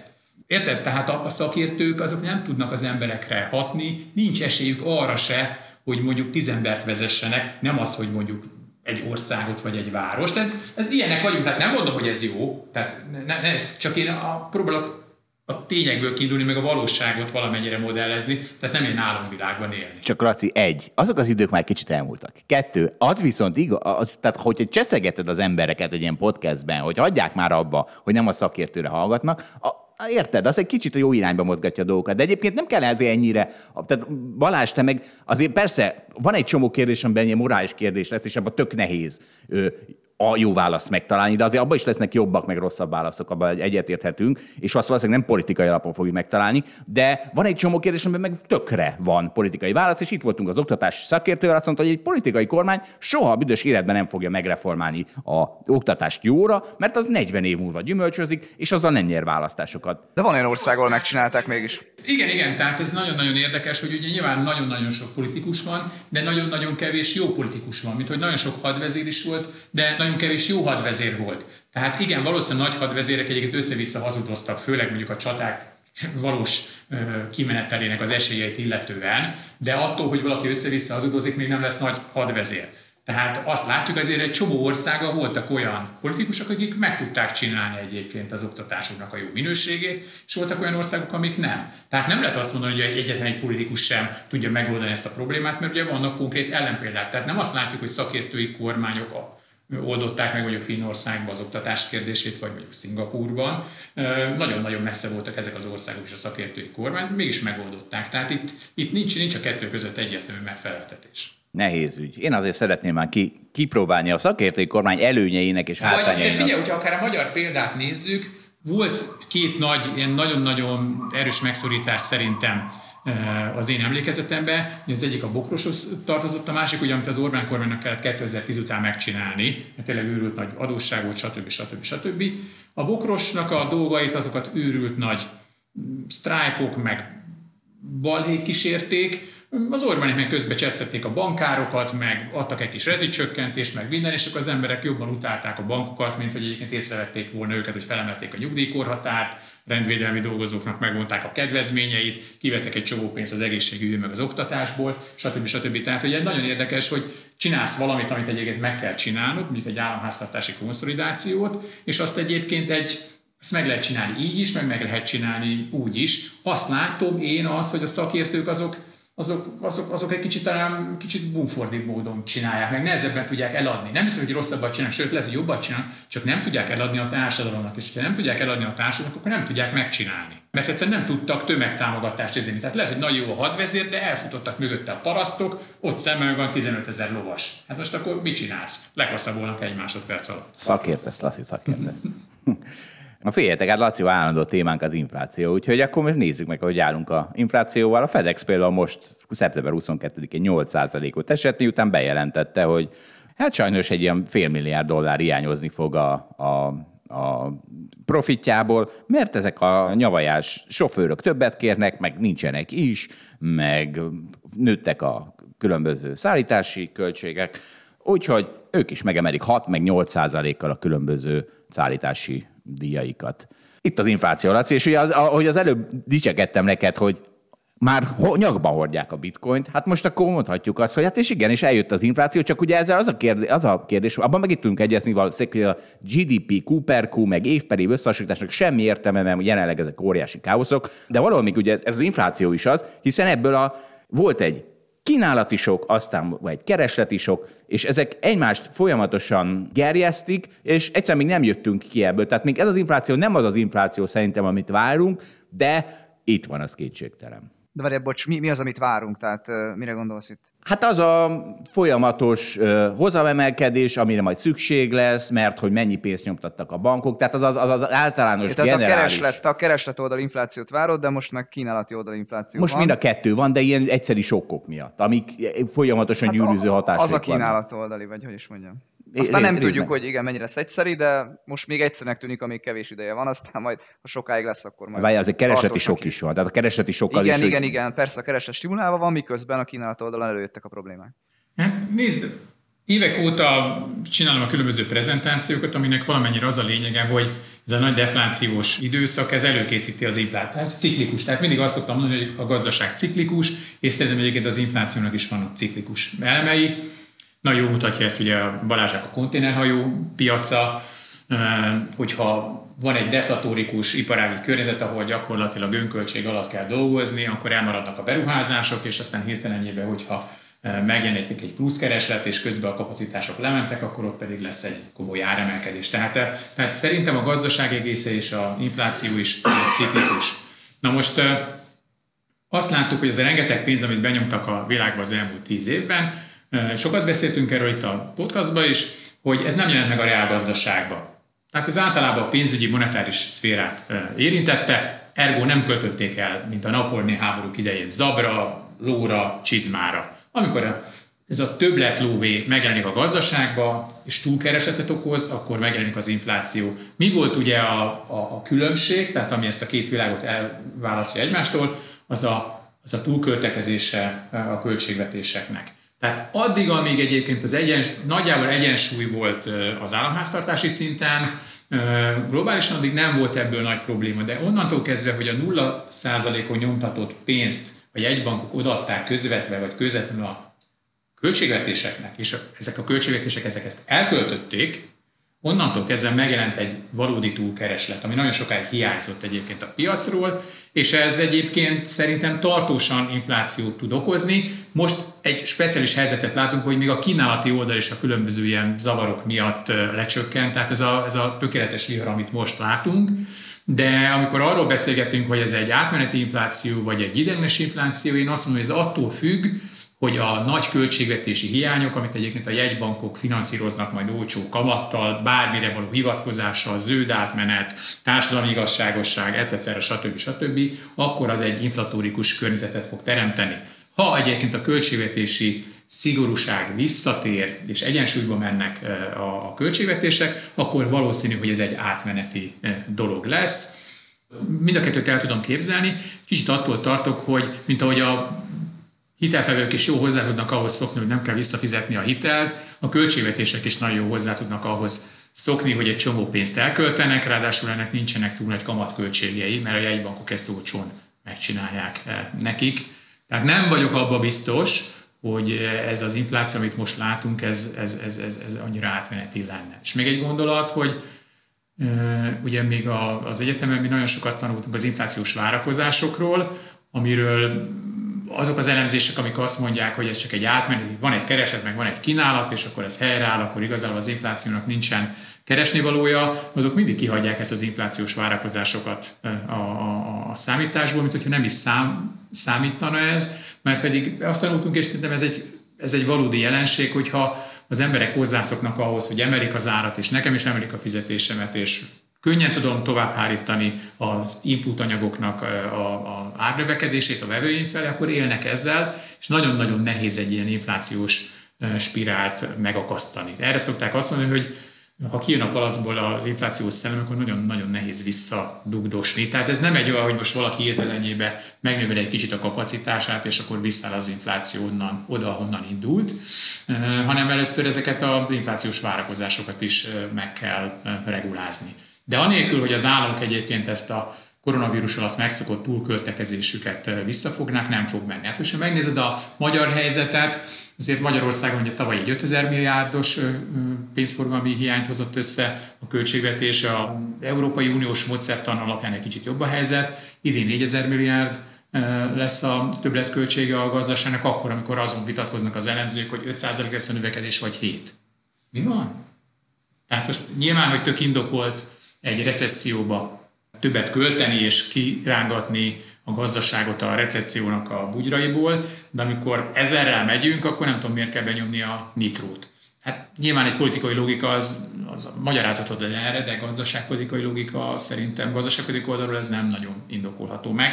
Tehát ilyen szempontból én a Magyar Nemzeti Banknak adok igazat ebbe a vitába. A szakértői kormánynak? Mert az MNB az pont úgy viselkedik, mint a szakértői kormány, őt nem kell, hogy megválasszák, és szakért. Igen, Laci? Hát, de, kell, de kell őt is, hogy megválasszák, igen, tehát azért mi nagyon sok kormányfői jegybank vitát láttunk, tehát azt látjuk, hogy azért egy, egy, egy, egy kormány azért nagyon-nagyon meg tudja nehezíteni a független jegybanknak is a, a helyzetét, tehát én nem vetíteném ki ezt ilyen szakértői, de hogy ebbe a kérdésbe azt gondolom, hogy, hogy, hogy, hogy, hogy a jegybanknak van igaza, Gyorsan megyünk a kanyarba, ennél jobban nem kell gyorsítani, mert, mert nagy esély van arra, hogy kisodródjunk. Hozzáraknék itt a kereslet oldalon még egy példát. Most írom éppen a negyedéves jelentéseket az ügyfeleknek, és akkor szoktam nézni a GDP számokat. Itt a G7 országokra vonatkoztatva, tehát kevésbé Magyarország, inkább, inkább nagyvilág, ugye az látszik, hogy körülbelül 6%-os növekedést várnak, amire mondhatjuk azt, hogy hát persze, mert hát tavaly meg ugye mínusz 6 volt, akkor most a alacsonyabb bázis visszajövünk. De ami a durva az az, hogy 2022-re is még sokkal a trend fölötti növekedést várhatjuk, itt például IMF vagy bármilyen szakértői előrejelzések alapján 4% fölötti növekedést, ami nagy rész jön abból, hogy tényleg ott vannak ezek a stimulusok, meg azok a stimulusok, amiket most megkaptunk, azokat még nem költött el a lakosság, tehát még ennek lesz egy csomó ilyen felhajtó ereje jövőre, meg persze ott van is a Covid ebbe az évben valószínűleg jobban ott volt, mint a következőbe, tehát, tehát valóban ott lesz a kereslet, tehát azt mondani, hogy a kereslet majd visszaáll gyorsan egyensúlyba, azt úgy nehéz elképzelni, mert legalábbis nehéz elképzelni most olyan szenáriót, hogy mondjuk a következő évben trendkörű növekedés lenne, amikor minden jel arra mutat, hogy sokkal magasabb lesz. És hozzáteszek még egy érvet, ez, ez egy kínálati oldali dolog, hogy amikor ilyen feszített a helyzet, akkor a politikának is sokkal nagyobb a hatása. Mondok két példát, az egyik az orosz gáznak a, az esete. Az oroszok is, most szó van arról, hogy miért fogják vissza, vagy miért nem adnak több gázt Európának, ahol egyébként elszálltak az utóbbi hetekben, hónapokban a gázárak hát pont most tudják megmutatni az erejüket, akkor, amikor egyébként egy százalék mennyiség visszafogás az hirtelen több tíz százalékos árnövekedést eredményez, amikor kifeszett a piac. Tíz évig, amikor egyébként baromi olcsó volt a gáz hosszú távon nézve, akkor, akkor egy százalék ez nem okozott volna szinte semmit. Mondok egy másik példát, Kínában, Kína mindig játsz Ausztráliával a geopolitikai játékait, ami teljesen természetes, de közben egyébként szüksége van a kínaiaknak az ausztrál szénre, mert onnan, onnan aznak egy csomó szenet. Most, amikor a szénár amúgy is a magasban van, most betiltották ismét az ausztrál szenet nem lehet importálni. Egyébként vannak róla hírek, hogy mennek a csalások, hogy mégis, mégis kell az ausztrál szén, meg mégis behozzák az országba. Na most sokkal nagyobb ennek a, a, a hatásra. Tehát tényleg ilyen, ilyen, ilyen tökéletes vihar van, hogy nem, nem, nem is csak az a beruházásoknak a kimaradása okozza ezt, hanem akkor most még rájött egy lapáttal a politika, ami meg, megbonyolította a helyzetet, tehát tényleg nagyon nehéz látni most, hogy mi lesz. Még egy utolsó gondolat, negyedéves jelentésemet Zsolt szoktad mondani, hogy mennyire unalmasak, de nem úszod meg. Ugye amikor arról kell írni, hogy mik most a kockázatok, akkor, akkor általában mindig ilyen egy-kettő szokott lenni, és olyan könnyen értem, hogy mi mozgatja a tőzsdéket. Most ha megnézem, ez, ez egyáltalán nem triviális. Tehát ott van az, hogy akkor a, az ellátási lánci problémák, és akkor itt lehet szállítási díj, gázár, egyebek, akkor ott van a delta vírus, akkor ott van a kínai gazdaság lassulása, ott van az amerikai egybank visszafogja a mennyiségi lazítási programját. Tehát most egy elég nagy kavalkád van, tehát a napi tőzsdei eséseknél sem értem néha, hogy most melyik lehet a döntő hatás. Látom, mások is vannak zavarodva, és ez most egy ilyen furcsa helyzet. Erre a földgáz áráról van egy jó csártunk, a Portfolio.hu csinálja. Szegény Portfolio Hunál szerintem kétségbe vannak esve, ahol ugye folyamatosan a túlzó igék és melléknevek röpködnek, mert a gázárt azt nem tudom, hogy kommunikálják már, ami 20, 2021-ben 20 euró per megawattóráról 120-ig ment, és most már ilyen napi 20%-okat ugrál. Kitartást kívánok a Portfolio.hu szerkesztőinek. Na figyeljetek, és akkor nem csak a szegény Portfolio.hu van bajban a gázár kommentálásával, de hát a britek is nagy bajban vannak a kamionsofőrökkel. Azt gondolom, mindenki látta. Tehát ez, mit tudom én, épp a g 7 van egy szívhez szóló levél, amiben a minden ex, ex kamionsofőrnek könyörögnek, hogy gyertek már, most már másfél millió forintot fizetünk fondban, havonta, meg szóval már ilyen e- eszement fizetések röpködnek, és, és nem mennek, és nem mennek. Boris Johnson megtalálta a hibást, a kelet-európai pilóták, akik eddig olcsón csinálták a dolgot, de most elkergettük őket a Brexit-tel, és ráadásul emiatt aztán rosszak a körülmények, meg mit tudom, a, a kamionos pihenőket se építették ki olyanra, hogy az emberek szeressenek dolgozni. Ez is egy vicces dolog. Na, kezdjük ezzel. Mi van a kelet-európai pilótákkal van a baj? Miért hívod őket pilótának? Sofőr. Ez a latin neve a sofőr. De, fia, ha megnézed, egyébként most lehet röhögni a briteken, meg egyébként kell is, én azt gondolom, mert hogy amit főztek, azt most egy kicsit meg kell, hogy egyék. Kíváncsi, hogy maga a társadalom az, hogy fogja lereagálni, hogy észrevegyék, hogy úgy nagy csúnyán megszivatták őket, vagy megszivatták magukat, mármint hogyha ezt ők egyébként szívásnak érzik, ezt majd eldöntik. De hogy mondjam, azért nem tudunk úgy a hátradőlni, mert azért egy csomó országban, és Magyarországon is nagyon feszített a munkaerőpiac. Tehát nem azt mondjuk, hogy fú, most egyébként Angliában vagy Britán, Nagy-Britániában most feszített a munkaerő, bezzeg nálunk mekkora sofőr többlet van, mert éppen ma hallgattam a fuvarozóknak a, a nem tudom, szövetségének az elnökét, és bizony a magyar fuvarozási piac is nagyon-nagyon-nagyon feszített, és egy csomó iparágban nagyon feszített a munkaerőpiac. Beszéltünk az inflációról egy pár perccel korábban, meg a többletköltség, többletköltésről, a költségvetés oldaláról. Tehát nyilván, hogyha mindezek a dolgok egyébként egy feszített munkaerőpiac mellett történnek meg, abból általában hiányok lesznek, meg infláció. Tehát amit most a briteknél látunk, az egy kulminálódott dolog, de picibe ezeket a kis hiányokat, ezeket a kis munkaerőhiányokat egyébként én el tudom képzelni, hogy a következő évben mi is meg fogjuk eh, tapasztalni. Persze, pedagógusoknál már most megtapasztaltuk, mert ott ugye mesterségesen alacsony árak vannak, de van, ahol egyébként akkor se tudod a piacot rendbe rakni, hogyha fölemeled az árakat. Tehát most jó példa erre, most hiába fizetnek másfél milliót a kamionsofőrnek, most egy hónap alatt, vagy egy hét alatt, vagy három hónap alatt nem tudnak egy olyan piacot rendbe hozni, aminek sok baja van. Tehát ez a, ez a szegecs elmélet, igen, tehát hogy tudod, rohadt szét egy rendszer, és akkor hirtelen történik valami, szétesik az egész, látszólag nem egy olyan dologtól, ami, mert ugye nem a Brexit másnapján esett szét ez az egész dolog, tudod, hanem kellett hozzá egy kis idő, ugye kicsit nehéz lesz így összerakni, szerintem előbb-utóbb össze fogják rakni, de, nem lesz egyszerű. Hát mindig akkor izgalmas a piac, amikor feszített, ezt mondtam az előbb a politikai példákon keresztül is, hogy most, most, most végre lehet látni egy csomó problémát. Aztán tíz évig ezek a piacokról nem is ejtettünk szót. Tehát bizonyos piacok, és legyen ez a kamionos szállításpiac, de legyen az energiapiac, hát az olyan sokat nem beszéltünk róla szerintem a 2010-2020 között. Most meg teljesen más a helyzet. Hát igen, egy működő piacnál tudod, petíciót intéznek a kamionsofőrök, hogy legyen már több pihenő, ahol le tudnak zuhanyozni, ahol tudnak aludni kultúrált körülmények senki között. Nem érdekel, és senki hát, érdekel. Itt érdekel, megjött a hűtőszekrény, meg mennek a kamionok, úgyis sok kamion van, hát érted, nagy évbe letoljam az egészet. És akkor gondolom volt hat ilyen probléma, amivel senki nem foglalkozott, aztán hirtelen nyilván, amikor az utolsó szegecs kiesett, akkor hirtelen most jönnek ezek a dolgok, és kiderült, hogy ezeket valójában meg kell csinálni mindenképpen. Tehát hiába halasztottuk, húztuk a dolgot, meg kell javítani. Na, sok ilyen, sok ilyen dolog van. Figyeljetek, szoktam mondani, hogy egy rock and roll Facebook csoportra ellátogatni, az mindig egy ilyen kulturális utazás. Most ellátogattam ilyen kamionos Facebook csoportokra, hát ez még nagyobb kulturális utazás. Egyrészt például a TIR portál Magyar Kamionos Közösség Facebook oldalon láttam egy mémet, ahol Boris Johnson és Erzsébet királynő magyarul beszélgetnek, hát hogyan másképp, és Csókolom Bözsi néni, mondja Boris Johnson, láttam, hogy a háború idején autószereléssel foglalkozott, kamiont esetleg tud-e vezetni, és akkor ott van néhány kép, ahol tényleg a második világháborúban, nem tudom, teherautóról osztja a, a katonáknak a, az élelmet. Szóval ez jön át ezen a kamionos izén, hogy most ők, ők a királyok, és mindenki nekik könyörög, de hát ők oda mennek dolgozni, hova akarnak, és tényleg ilyen eszement fizetésekért. A másik, ugye, hát ami mindig folyton téma a vakcináltság. Tehát ha a rock and roll csoportban is sokan nem hajlandóak oltatni, meg a kamionos csoportban is sokan nem hajlandóak oltatni, és, és akkor ezzel kapcsolatban egy a felháborodás. De erre neked is van egy sztori, Laci, és ez pont is visszaköszönt. A... Hát nekem mindenre van sztori, most nem tudom konkrétan melyikre gondolsz, de egyébként, ha már így feldobod, akkor mondok egy olyan sztorit, amit szerintem, amit nem tudsz, hogy tehát én, én, én gyerekkoromban nagyon sokat kamionoztam, mert édesanyám egy speditőr cégnél, hát akkor állami cég a Volánnak. A... Laci, másfél millió. ja, hát, akkor is jó kerestek a kamionsofőrök, mert ők tudtak csak külföldre menni, és akkor be tudtak hozni mindenféle dolgot, amit jól el tudtak adni. Tehát a kamionsofőrök a, a, a szocializmusban, főleg akik külföldre tudtak menni, azok nagyon nagy királyok voltak. És én is többször voltam külföldön, így valahol el kellett mennem, és akkor beültem valamelyik kamionsofőr mellé, és akkor kamionnal kimentem Ausztriába, meg Németországba, tehát nagyon-nagyon sokat kamionoztam eh, gyerekkoromban, és jól ismertem egyébként a sofőröket. Akkor ez egy ilyen nagyon-nagyon vonzó állás volt, sok pénzt lehetett keresni, ugye nyilván az ember nagyon sokat távol volt a családjától, de akkor volt egy ilyen egyensúly, és akkor a kamionsofőrök nagyon nagy királyok voltak. Lehet, hogy megint visszatérnek azok a régi szép idők.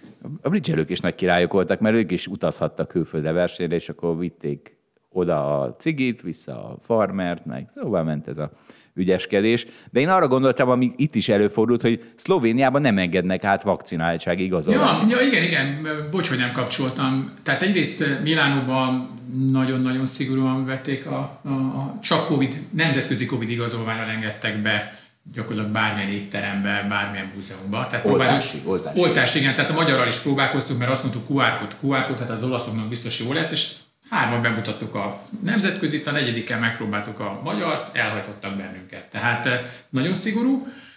Ha bemész egy étterembe, akkor leveted a maszkot és kajához, de ha a pénztárhoz mész, akkor fel kell venni a maszkot az oltási igazolvány ellenére, és amikor hazafele jöttem Ljubljaná, mert ugye Olaszországban nagyon drága benzin, Ljubljanával tankoltam, és hát már megszoktam a maszkviselést, szépen be akartam menni maszkba a benzinkútba, és mondta az ember, hogy hát ez nagyon kevés, hanem a Covid igazolványomat is mutassam be. És most azon gondolkodom azóta is, hogy mi van, hogyha azt mondom, hogy nincsen, akkor a szlovén állam elengedi a tankolási díjat.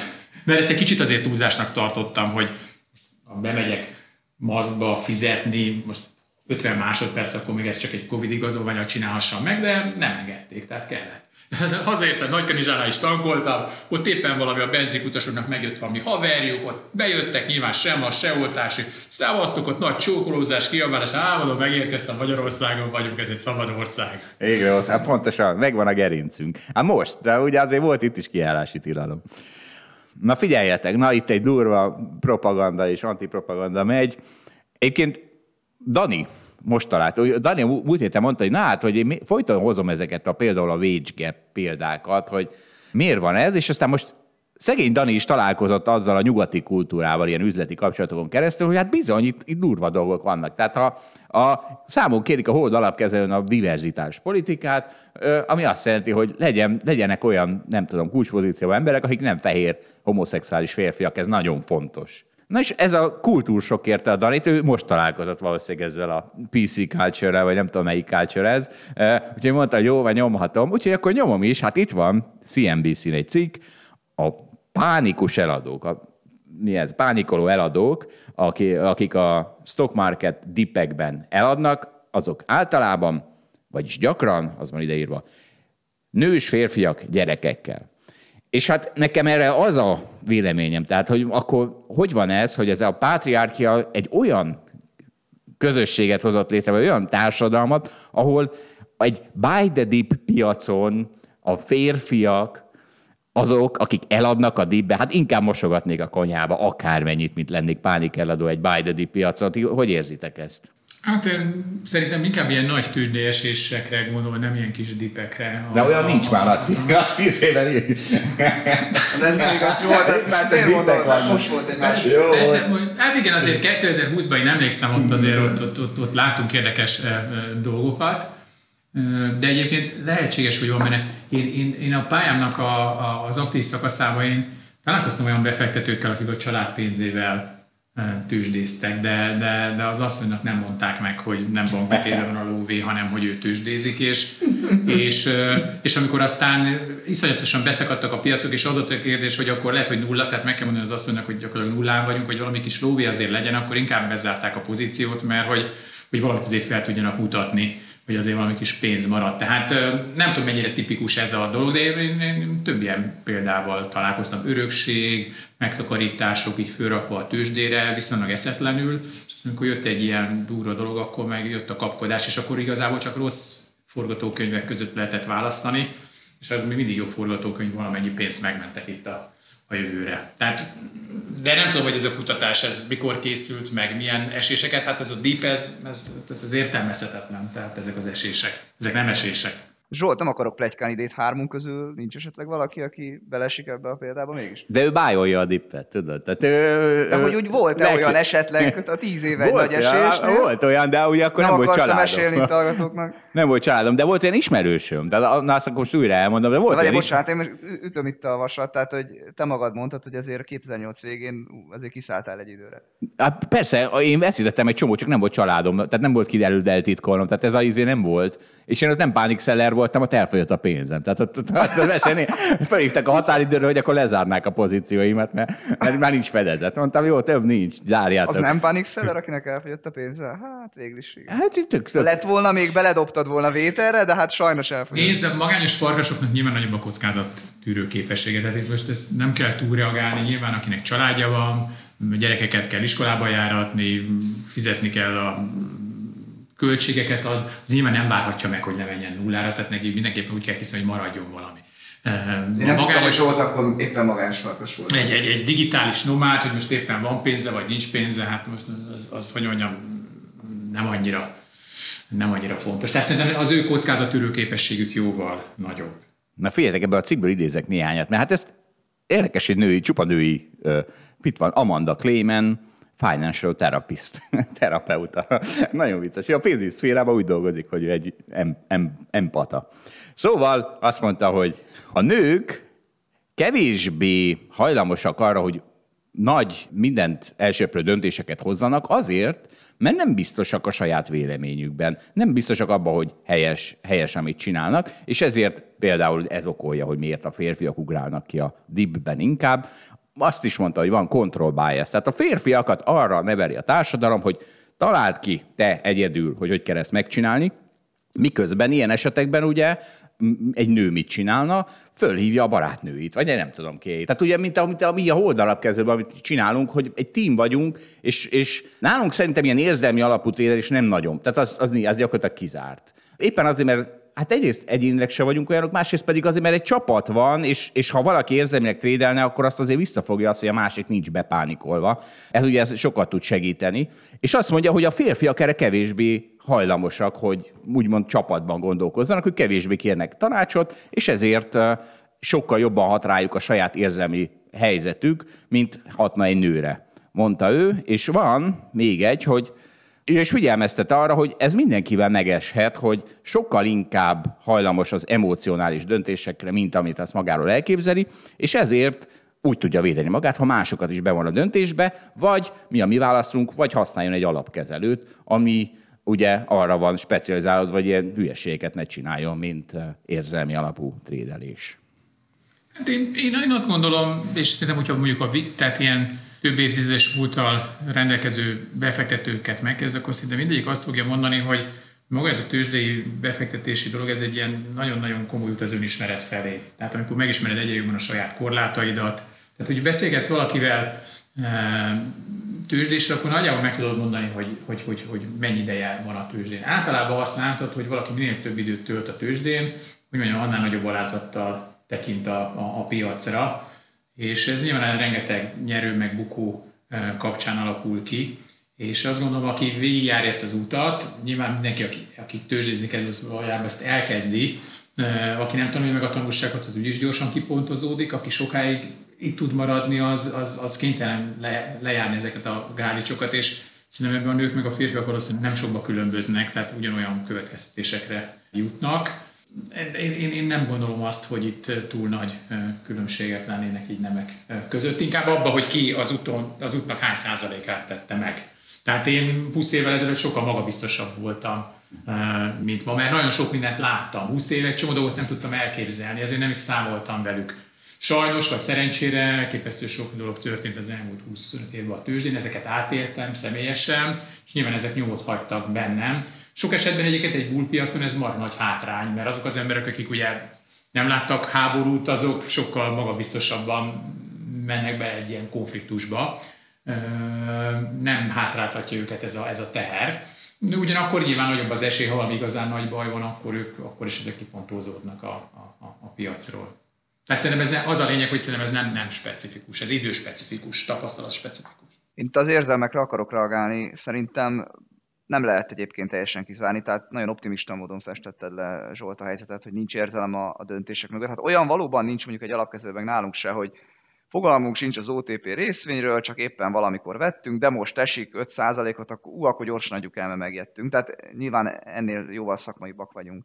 Ugyanakkor 2020 márciusában tényleg voltak ö, olyan pillanatok, amiket szerintem senki nem látott évtizedektől, meg tapasztalatoktól függetlenül, és ott az, hogy most mikor veszed meg az S&P-t, vagy mikor adod el, amikor naponta mozog éppen megy föl 5%-okat, ott, ott nincs tudomány mögötte, tehát ott valami rutinra támaszkodsz, persze sokat számít a tapasztalat, de ugyanúgy van mögötte egy érzelmi dolog is, hogy na hát szerintem minden már többet nem esett, de hogy most 2800-as S&P-nél van, vagy 2100-asnál, hát szerintem a legtöbb embernek tapasztalattól függetlenül fogalma sincs. Ugyanilyen volt az olajnak a, utána a dolgai, bocsánat, csak még azt mondjam, áprilisban, hogy tehát tényleg, amikor, amikor az, az, amit az olaj csinált, hát ott biztos, hogy hoztak az emberek úgymond érzelmi döntés, meg pánikoltak. Hát mi, a, ott a profik is biztos, hogy pánikoltak. Jó, Balázs, ez így van, hogy mindenkire hat az érzelem, csak mivel sokan, többen vagyunk, és többen gondolkozunk együtt, ezért lesz olyan, aki mondjuk kevésbé fél a vírustól, és akkor egy kicsit visszarángat abból a buborékodból, hogy rettegni kell a vírus. Szóval hogy ezek, ezek, ezek az impulzusok, hogyha csapatban gondolkozol, akkor azért tompulhatnak, ugye, a, a, a magad. Igen, de mondjuk most mondok, hogy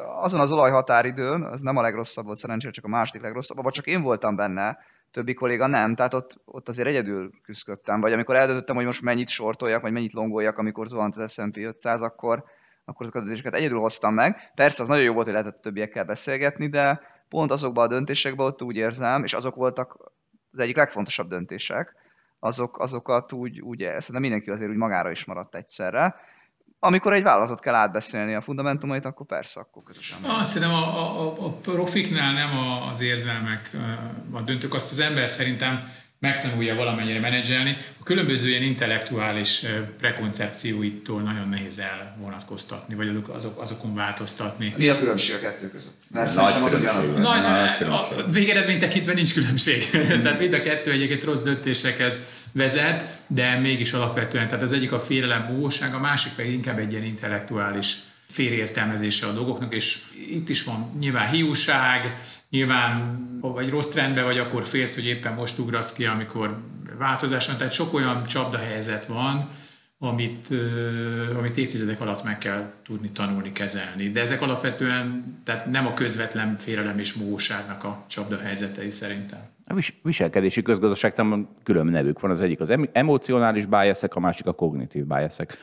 Na figyeljetek, a Goldman is belénk szállt férfiakba. Azt mondta, fehér heteroszexuális férfiakba. Azt mondta a Goldman, 2023-tól azt hiszem nem hajlandó olyan céget tőzsdére vinni, ahol nincs legalább egy divers board candidate, és még azt is hozzá tudta tenni a CEO-ja, hogy azért, mert ők úgy látják, hogy lényegesen jobban teljesítenek azok a cégek, ahol van ilyen. Na most ez ugye azért nagyon durva, mert mit érdekli a Goldman, hogy miután ő tőzsdére vitte, az most hogy fog teljesíteni? Az senki nem veri le a Goldmanen, hogy a következő öt évben hogy teljesít az a cég. Mm, nagyon erős. Ja, azért ezt egyébként figyelik, tehát de egy bullpiacban általában egyébként jól szoktak teljesíteni a bullpiac elején. Tehát, hogyha már egyébként egy bullpiacba az öt évvel korábbi bullpiacon piacra ment cégek se teljesítenek jól, ott már nagyon-nagyon nagy baj van. Oda valószínűleg már marslapok kellenek, tehát olyan diverzitást kell megcsinálni, amit csak a marslapok tudnak kielégíteni. Politizál a Goldman, szerintem nagyon gáz a történet, ahogy ezt így leírják. Mi történik? Van egy valós probléma, tehát most mondok valamit, nem tudom, a nők egyenjogúság kérdései, az, vagy a nők egyenlő jogai, azonos fizetésre kapjanak azonos bért, ezek mind fontos problémák. Hát marhára nem úgy kell kezelni, hogy a Goldman bejelenti, hogy a, olyan cégekkel IPO-zik, akik, akik egyébként nem tudom, kell egy nem heteroszexuális férfi, tehát, tehát te jó ég, tehát ezért ez, ez nagyon erős. Igen, szerintem ez egy ilyen marketing szöveg, tehát ez most nem jól hangzik, és azt gondolja, hogy egyébként ez a fogyasztói számára ez egy pozitív üzenet, és akkor megfogalmazza. Tehát most, most, most maradjunk egyébként a, nem tudom, a szexuális irányultságnál, tehát szerintem az mindenkinek a magánügye. Tehát én most megmondom őszintén, Zsolt, most neked ugyan van három lányod, de nem ismerem a te ennél komolyabb ügyeidet, meg a Balázsnál se. Tehát, attól, hogy, tehát, hogy mondjam, tehát honnan a szarból tudod? Mert van, aki felvállalja, van, aki nem vállalja fel. Hát van, aki egyébként nem tudom, a homoszexualitásra vállalja, van, aki meg a heteroszexualitását vállalja fel. Tehát, tehát nem tartozik senkire. Tehát, tehát hogy akkor azt mondja a Goldman, hogy olyan emberekből választ, akik egyébként felvállalják, mi van, akik nem. Tehát ez egy bonyolult dolog, hülyeség. Igen. Tehát ez szerintem ez egy ilyen marketing, marketing duma, ez most jól hangzik, és akkor, és akkor, és akkor csinálják. Miközben nyilván egyébként, tehát éppen egyébként egy vállalatnál, vagy hát főleg egy alapkezelőnél, tehát hogyha egy marslakó csinál jó húzamot, hát akkor a marslakót veszem fel, érted? Tehát, hogy, hogy itt aztán abszolút marha nem érdekel engem, mint tulajdonost, hogy egyébként piros sapka van rajtad, vagy kék sapka van, vagy hogy mi az orientációd, tehát, hogyha tök jól csinálod ezt a dolgot, és keresel pénzt az ügyfeleknek, és a cég is ennek élvez az előnyeit, akkor szeretünk. Ha béna vagy, akkor meg, hát akkor lehetsz, ez, ez tök mindegy, hogy milyen. Keresünk jobb munkahelyet. akkor, akkor keresünk egy más beosztást, ahol jobban tudod egyébként így akár nálunk a, a, a, a dolgokat intézni. Tehát mi nem engedhetjük meg szerintem magunknak azt, hogy, hogyha valaki jól csinálná, akkor ne jusson szerephez csak azért, mert ilyen vagy olyan, vagy, vagy, vagy, vagy amolyan, de lehet, hogy vannak olyan cégek, főleg nagyobb cégek, ahol azért jobban lehet súnyogni a teljesítmény tekintetében, tehát ahol nem lehet annyira beazonosítani, hogy ki hogyan teljesít. Nyilván ezeknél a munkahelyeknél nagyobb szerepet játszik egyébként úgymond a, a politika, vagy a, vagy, vagy a társadalmi elvárások. Itt befektetői elvárások vannak, és azok annyira erősek, amik mindent felülírnak, és vagyunk annyira pici cég. Nagyoknál lehet, hogy ez egy kicsit más, csak én olyan nagyon nagy cégnél még nem dolgoztam. Na mondom a legdurvábbat ebből a szempontból. Daniel Craig, ugye ő játszotta a James Bondot az utóbbi nem tudom hány filmben, és most leköszön. Úgy köszönt le, hogy bárki is veszi át a szerepemet, good luck to them. Tehát nem merte azt mondani, hogy good luck to him. És ha már James Bondot sem feltétlenül, tehát nem alapeset, hogy James Bondot egy férfi játszik, hát akkor, akkor már James Bond gerincét is meghajította a PC. Hát egyébként én azon gondolkozom, hogy én nem vagyok egy nagy James Bond rajongó, de egyébként az egy jó pofó, hogy van egy ilyen keménykötésű srác, akinek van egy sem, és azt agyonver meg mindenkit lelődöz persze a rosszakat hogy a nők vernek mindenkit nagyon meg lelődöznek a rosszakat, az nem tudom, szerintem én biztos ilyen nagyon-nagyon maradé vagyok, az engem úgy, az úgy nem, az így annyira nem, uh, annyira nem vonz. De lehet, hogy a moziba járókat egyébként majd marhára fogja vonzani. Hát ott van Lara Croft. Ez az is már egy kicsit erőltetett volt talán. De várjál, mert a Mandalorian ezzel már kiborultunk, amikor a Mandalorianban a rohamosztagosokat, akik fehér páncélban vannak, ilyen női pofonok hullajtották szét. Mert ha még a, izé, a lézer kardjával vágta volna szét a nő, de, de, de, de, ez hülyeség, mert egyébként tehát vannak nagyon-nagyon erős nők. De ők általában mondjuk az olimpián, mondjuk a diszkoszvetésbe, meg súlylökésbe versenyeznek. De nagyon-nagyon-nagyon ritka az olyan akciófilm, ahol mondjuk ezek a súlylökő, ezek a súlylökő nagyon-nagyon erős nők töltenek be egyébként, hogy mondjam, vezető szerepet. Tehát itt a, a filmekben az ilyen nagyon-nagyon erős nők, azok mindig 40 kilósak. De hát de 40 kilósan egy férfi sem tud erős lenni.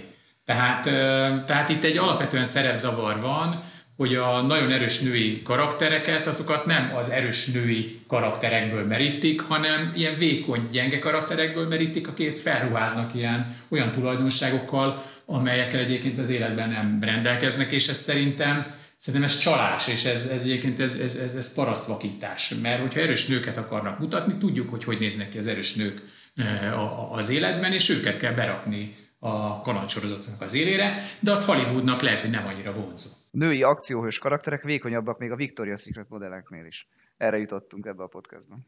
Ezt nem tudom, de figyelj, itt a bosszú. Tehát ez is szembe jött a Facebookon. Kínában néhány parkolóra ráírják, hogy nők, csak nők, women only, tehát nő, csak nők állhatnak oda, és ezek 50%-kal szélesebbek, mint a többik. De, és ha lemész itt a, nem is kell Kínába menni, itt lemész a mínusz kettőre, ott is van női parkoló. És megpróbáltam be az, oda van írva, hogy női parkoló, megpróbáltam beazonosítani, hogy mi nem nagyobbak, mint a többi, viszont valószínűleg tehát úgy tűnik, hogy nincs fal mellett, meg ilyesmi. Tehát olyan hely, ahova könnyebb beparkolni, mert nem kevésbé zavar be a különböző terepeszközök. Szóval megnézem én azt a James Bond filmet, amikor a női James Bond beáll a Women Only parkolóba, hogy azt ki fogja megnézni. De én ezt nem hiszem el. Itt a mi irodaházunkban? Majd leviszlek a mínusz kettőre, és megmutatom. Hát ez eléggé meglep. Vallás megleptük. Na figyelj! De, a, de úgy, úgy, úgy, bocsánat, oda van írva, hogy rendesen, hogy női Női parkoló. Hát, Magyarul. Igen. Hm. Abszolút ugye nem felvilágosult emberek festették fel, ugye gondoljuk. A, és az a kérdés, hogy a csajok ennek örülnek, vagy, vagy, vagy, vagy, vagy nem örülnek. Egyébként hát igen. Állott valaki? Jó neki. Tehát, Tehát, de nem, bármilyen, figyelj, bármilyen csoportnak jó, áll, hogy nekem jobb parkoló van. Állott, de hogy állott valaki? Tehát ezt szoktad nézni, hogy állott valaki? Tehát... Amikor most voltam, akkor nem állt senki. De az Vagy lehet egy pofátlan férfi, nem? Ne, hát nem tudom, tehát ez kiderül a kocsiból. Nem, ha túltesszük magunkat azon, hogy itt most bunkóságról van szó, egyébként jó dolog. Hát én férfiként, ne, én örülnék, hogyha mindig fenntartanának nekem egy 50%-kal szélesebb parkolóját, tehát kényelmesebb. De én meg azt tudom, hogy a, most, hogy már feleségekről az én feleségem a Volvo kombival úgy beparkol mindenhova, hogy kész nézni. Tehát, hogy... Lehet, hogy James, következő James Bond szereplő. Mert az lenne akkor korrekt egyébként, de tényleg azt kéne felírni, hogy szerintem ilyen, hogy tanulóvezető. Nem is nem? Tehát a tanulóvezető, mert mert hogyha nyilván az De ember megsértődik, meg, meg, meg fog sértődni az a rutinos nő. Nem, de a tanulóvezető nem, az örülni fog az neki. Nem, az nem, de... Tegnap szereztél jogsit, és be kell állni két oszlop közé, tudod, amikor tegnap még a tampáján nézett, ez szörnyű. Tehát én is emlékszem, hogy ez nagyon régen volt, ez hál' Isten, akkor még nem voltak ilyen parkolóházak, nem tudom, 1986-ban, amikor én szereztem a jogosítványomat, de hát nem is tudom, hogy mit csinál. Amikor először főttem Pestre a négysávos vagy háromsávos úton, akkor alig kapkodtam a fejemet. Tehát, hogy nem, nem ez a korrekt, azt kéne mondani, hogy tanulóvezető. És akkor akinek nincs megfelelő rutinja, legyen az férfi, nő, vagy nem tudom, bármi, akkor, akkor használja ezt ja, a nem, akkor part. ügyetlen vezető. Tehát, hogy De nem a... ügyetlen, mert, mert a tapasztalatom az egyben nyilván azt jelenti, hogy ügyetlen. Nem azt jelenti, hogy béna, csak hogy nincs, ugye nem, mint Karap mondta, hogy nem, nem vagy buta, csak keveset tudsz. Tehát lehet, hogy tök jó vezető, vagy Schumacher is, amikor először ült autóba, valószínű, hogy nem ment olyan gyorsan, mint később. Na figyeljetek, Laci, te beszéltél a inflációs szellem kiszabadulásáról. Hát akkor hozom, hozom a két végletet a világból. Venezuelában ott már kiszabadult az inflációs szellem, úgyhogy a múlt héten 6 darab nullát levettek a, a bolivár árfolyamából, mert azt mondták, hogy most már, hát mint a milpengő, meg a bilpengő, meg nem tudom micsoda, azt mondták, hogy ennyi nullát már nem akarnak kiírni, úgyhogy hattal kevesebbet fognak. Ez a harma, három, elmúlt három évben a, a második ilyen lépésük volt. És, és a másik véglet, Japán, ahol még nem szabadult el az inflációs szellem. Ott igaz, ez 2016-ban volt, de most ugyanaz a helyzet még Japánban, infláció terület szén. Egy, az Akagi Nyugujó nevű fagylalgyártó cég, amit biztos, hogy nem így ejtenek Tokióban, egy egyperces reklámot csinált, azok után, hogy 60 jenről 70 jenre emelték a nem tudom, flagship um, fagyiukat, és ebben az egyperces reklámban az a zene szól, amit most itt mindannyian hallunk, és az egész cég tiszteletteljesen, bocsánatkérőleg meghajolt a publikum felé, hogy ők ilyen durvaságot csináltak, hogy 16%-kal megemerték 25 év után a fagylaltjuk árát. Azt hiszem ez a Japán ez egy érdekes hely, nem lehet, hogy még sok ilyen izénk lesz, japán sztorink. Hát a azok az áremelkedések, amikkel én szembesültem itt az elmúlt egy napban, vagy egy hétben, vagy egy hónapban, hát így ezt a nagyfokú bocsánatkérést ezt így nem érzékeltem. Nem hajlongott senki? Hát a, igen, a japánok azok udvariasabbak. Jó, én várom a gáztermelőket, hogy, hogy akkor hajolgassanak sűrűn. Jól van. Na hát köszönjük szépen a figyelmet, a viszont hallásra. Köszönjük viszont hallásra. Köszönjük, hogy velünk tartott a Hold After Hours mai részében. Ha tetszett a műsor, kérjük értékeljen minket, és iratkozzon fel csatornánkra, hogy azonnal értesüljön legfrissebb epizódjainkról. Az adással kapcsolatos részleteket és az említett cikkeket, ábrákat keresse a Hold blogon. Ez volt a Hold After Hours. Tartson velünk a következő adásban is.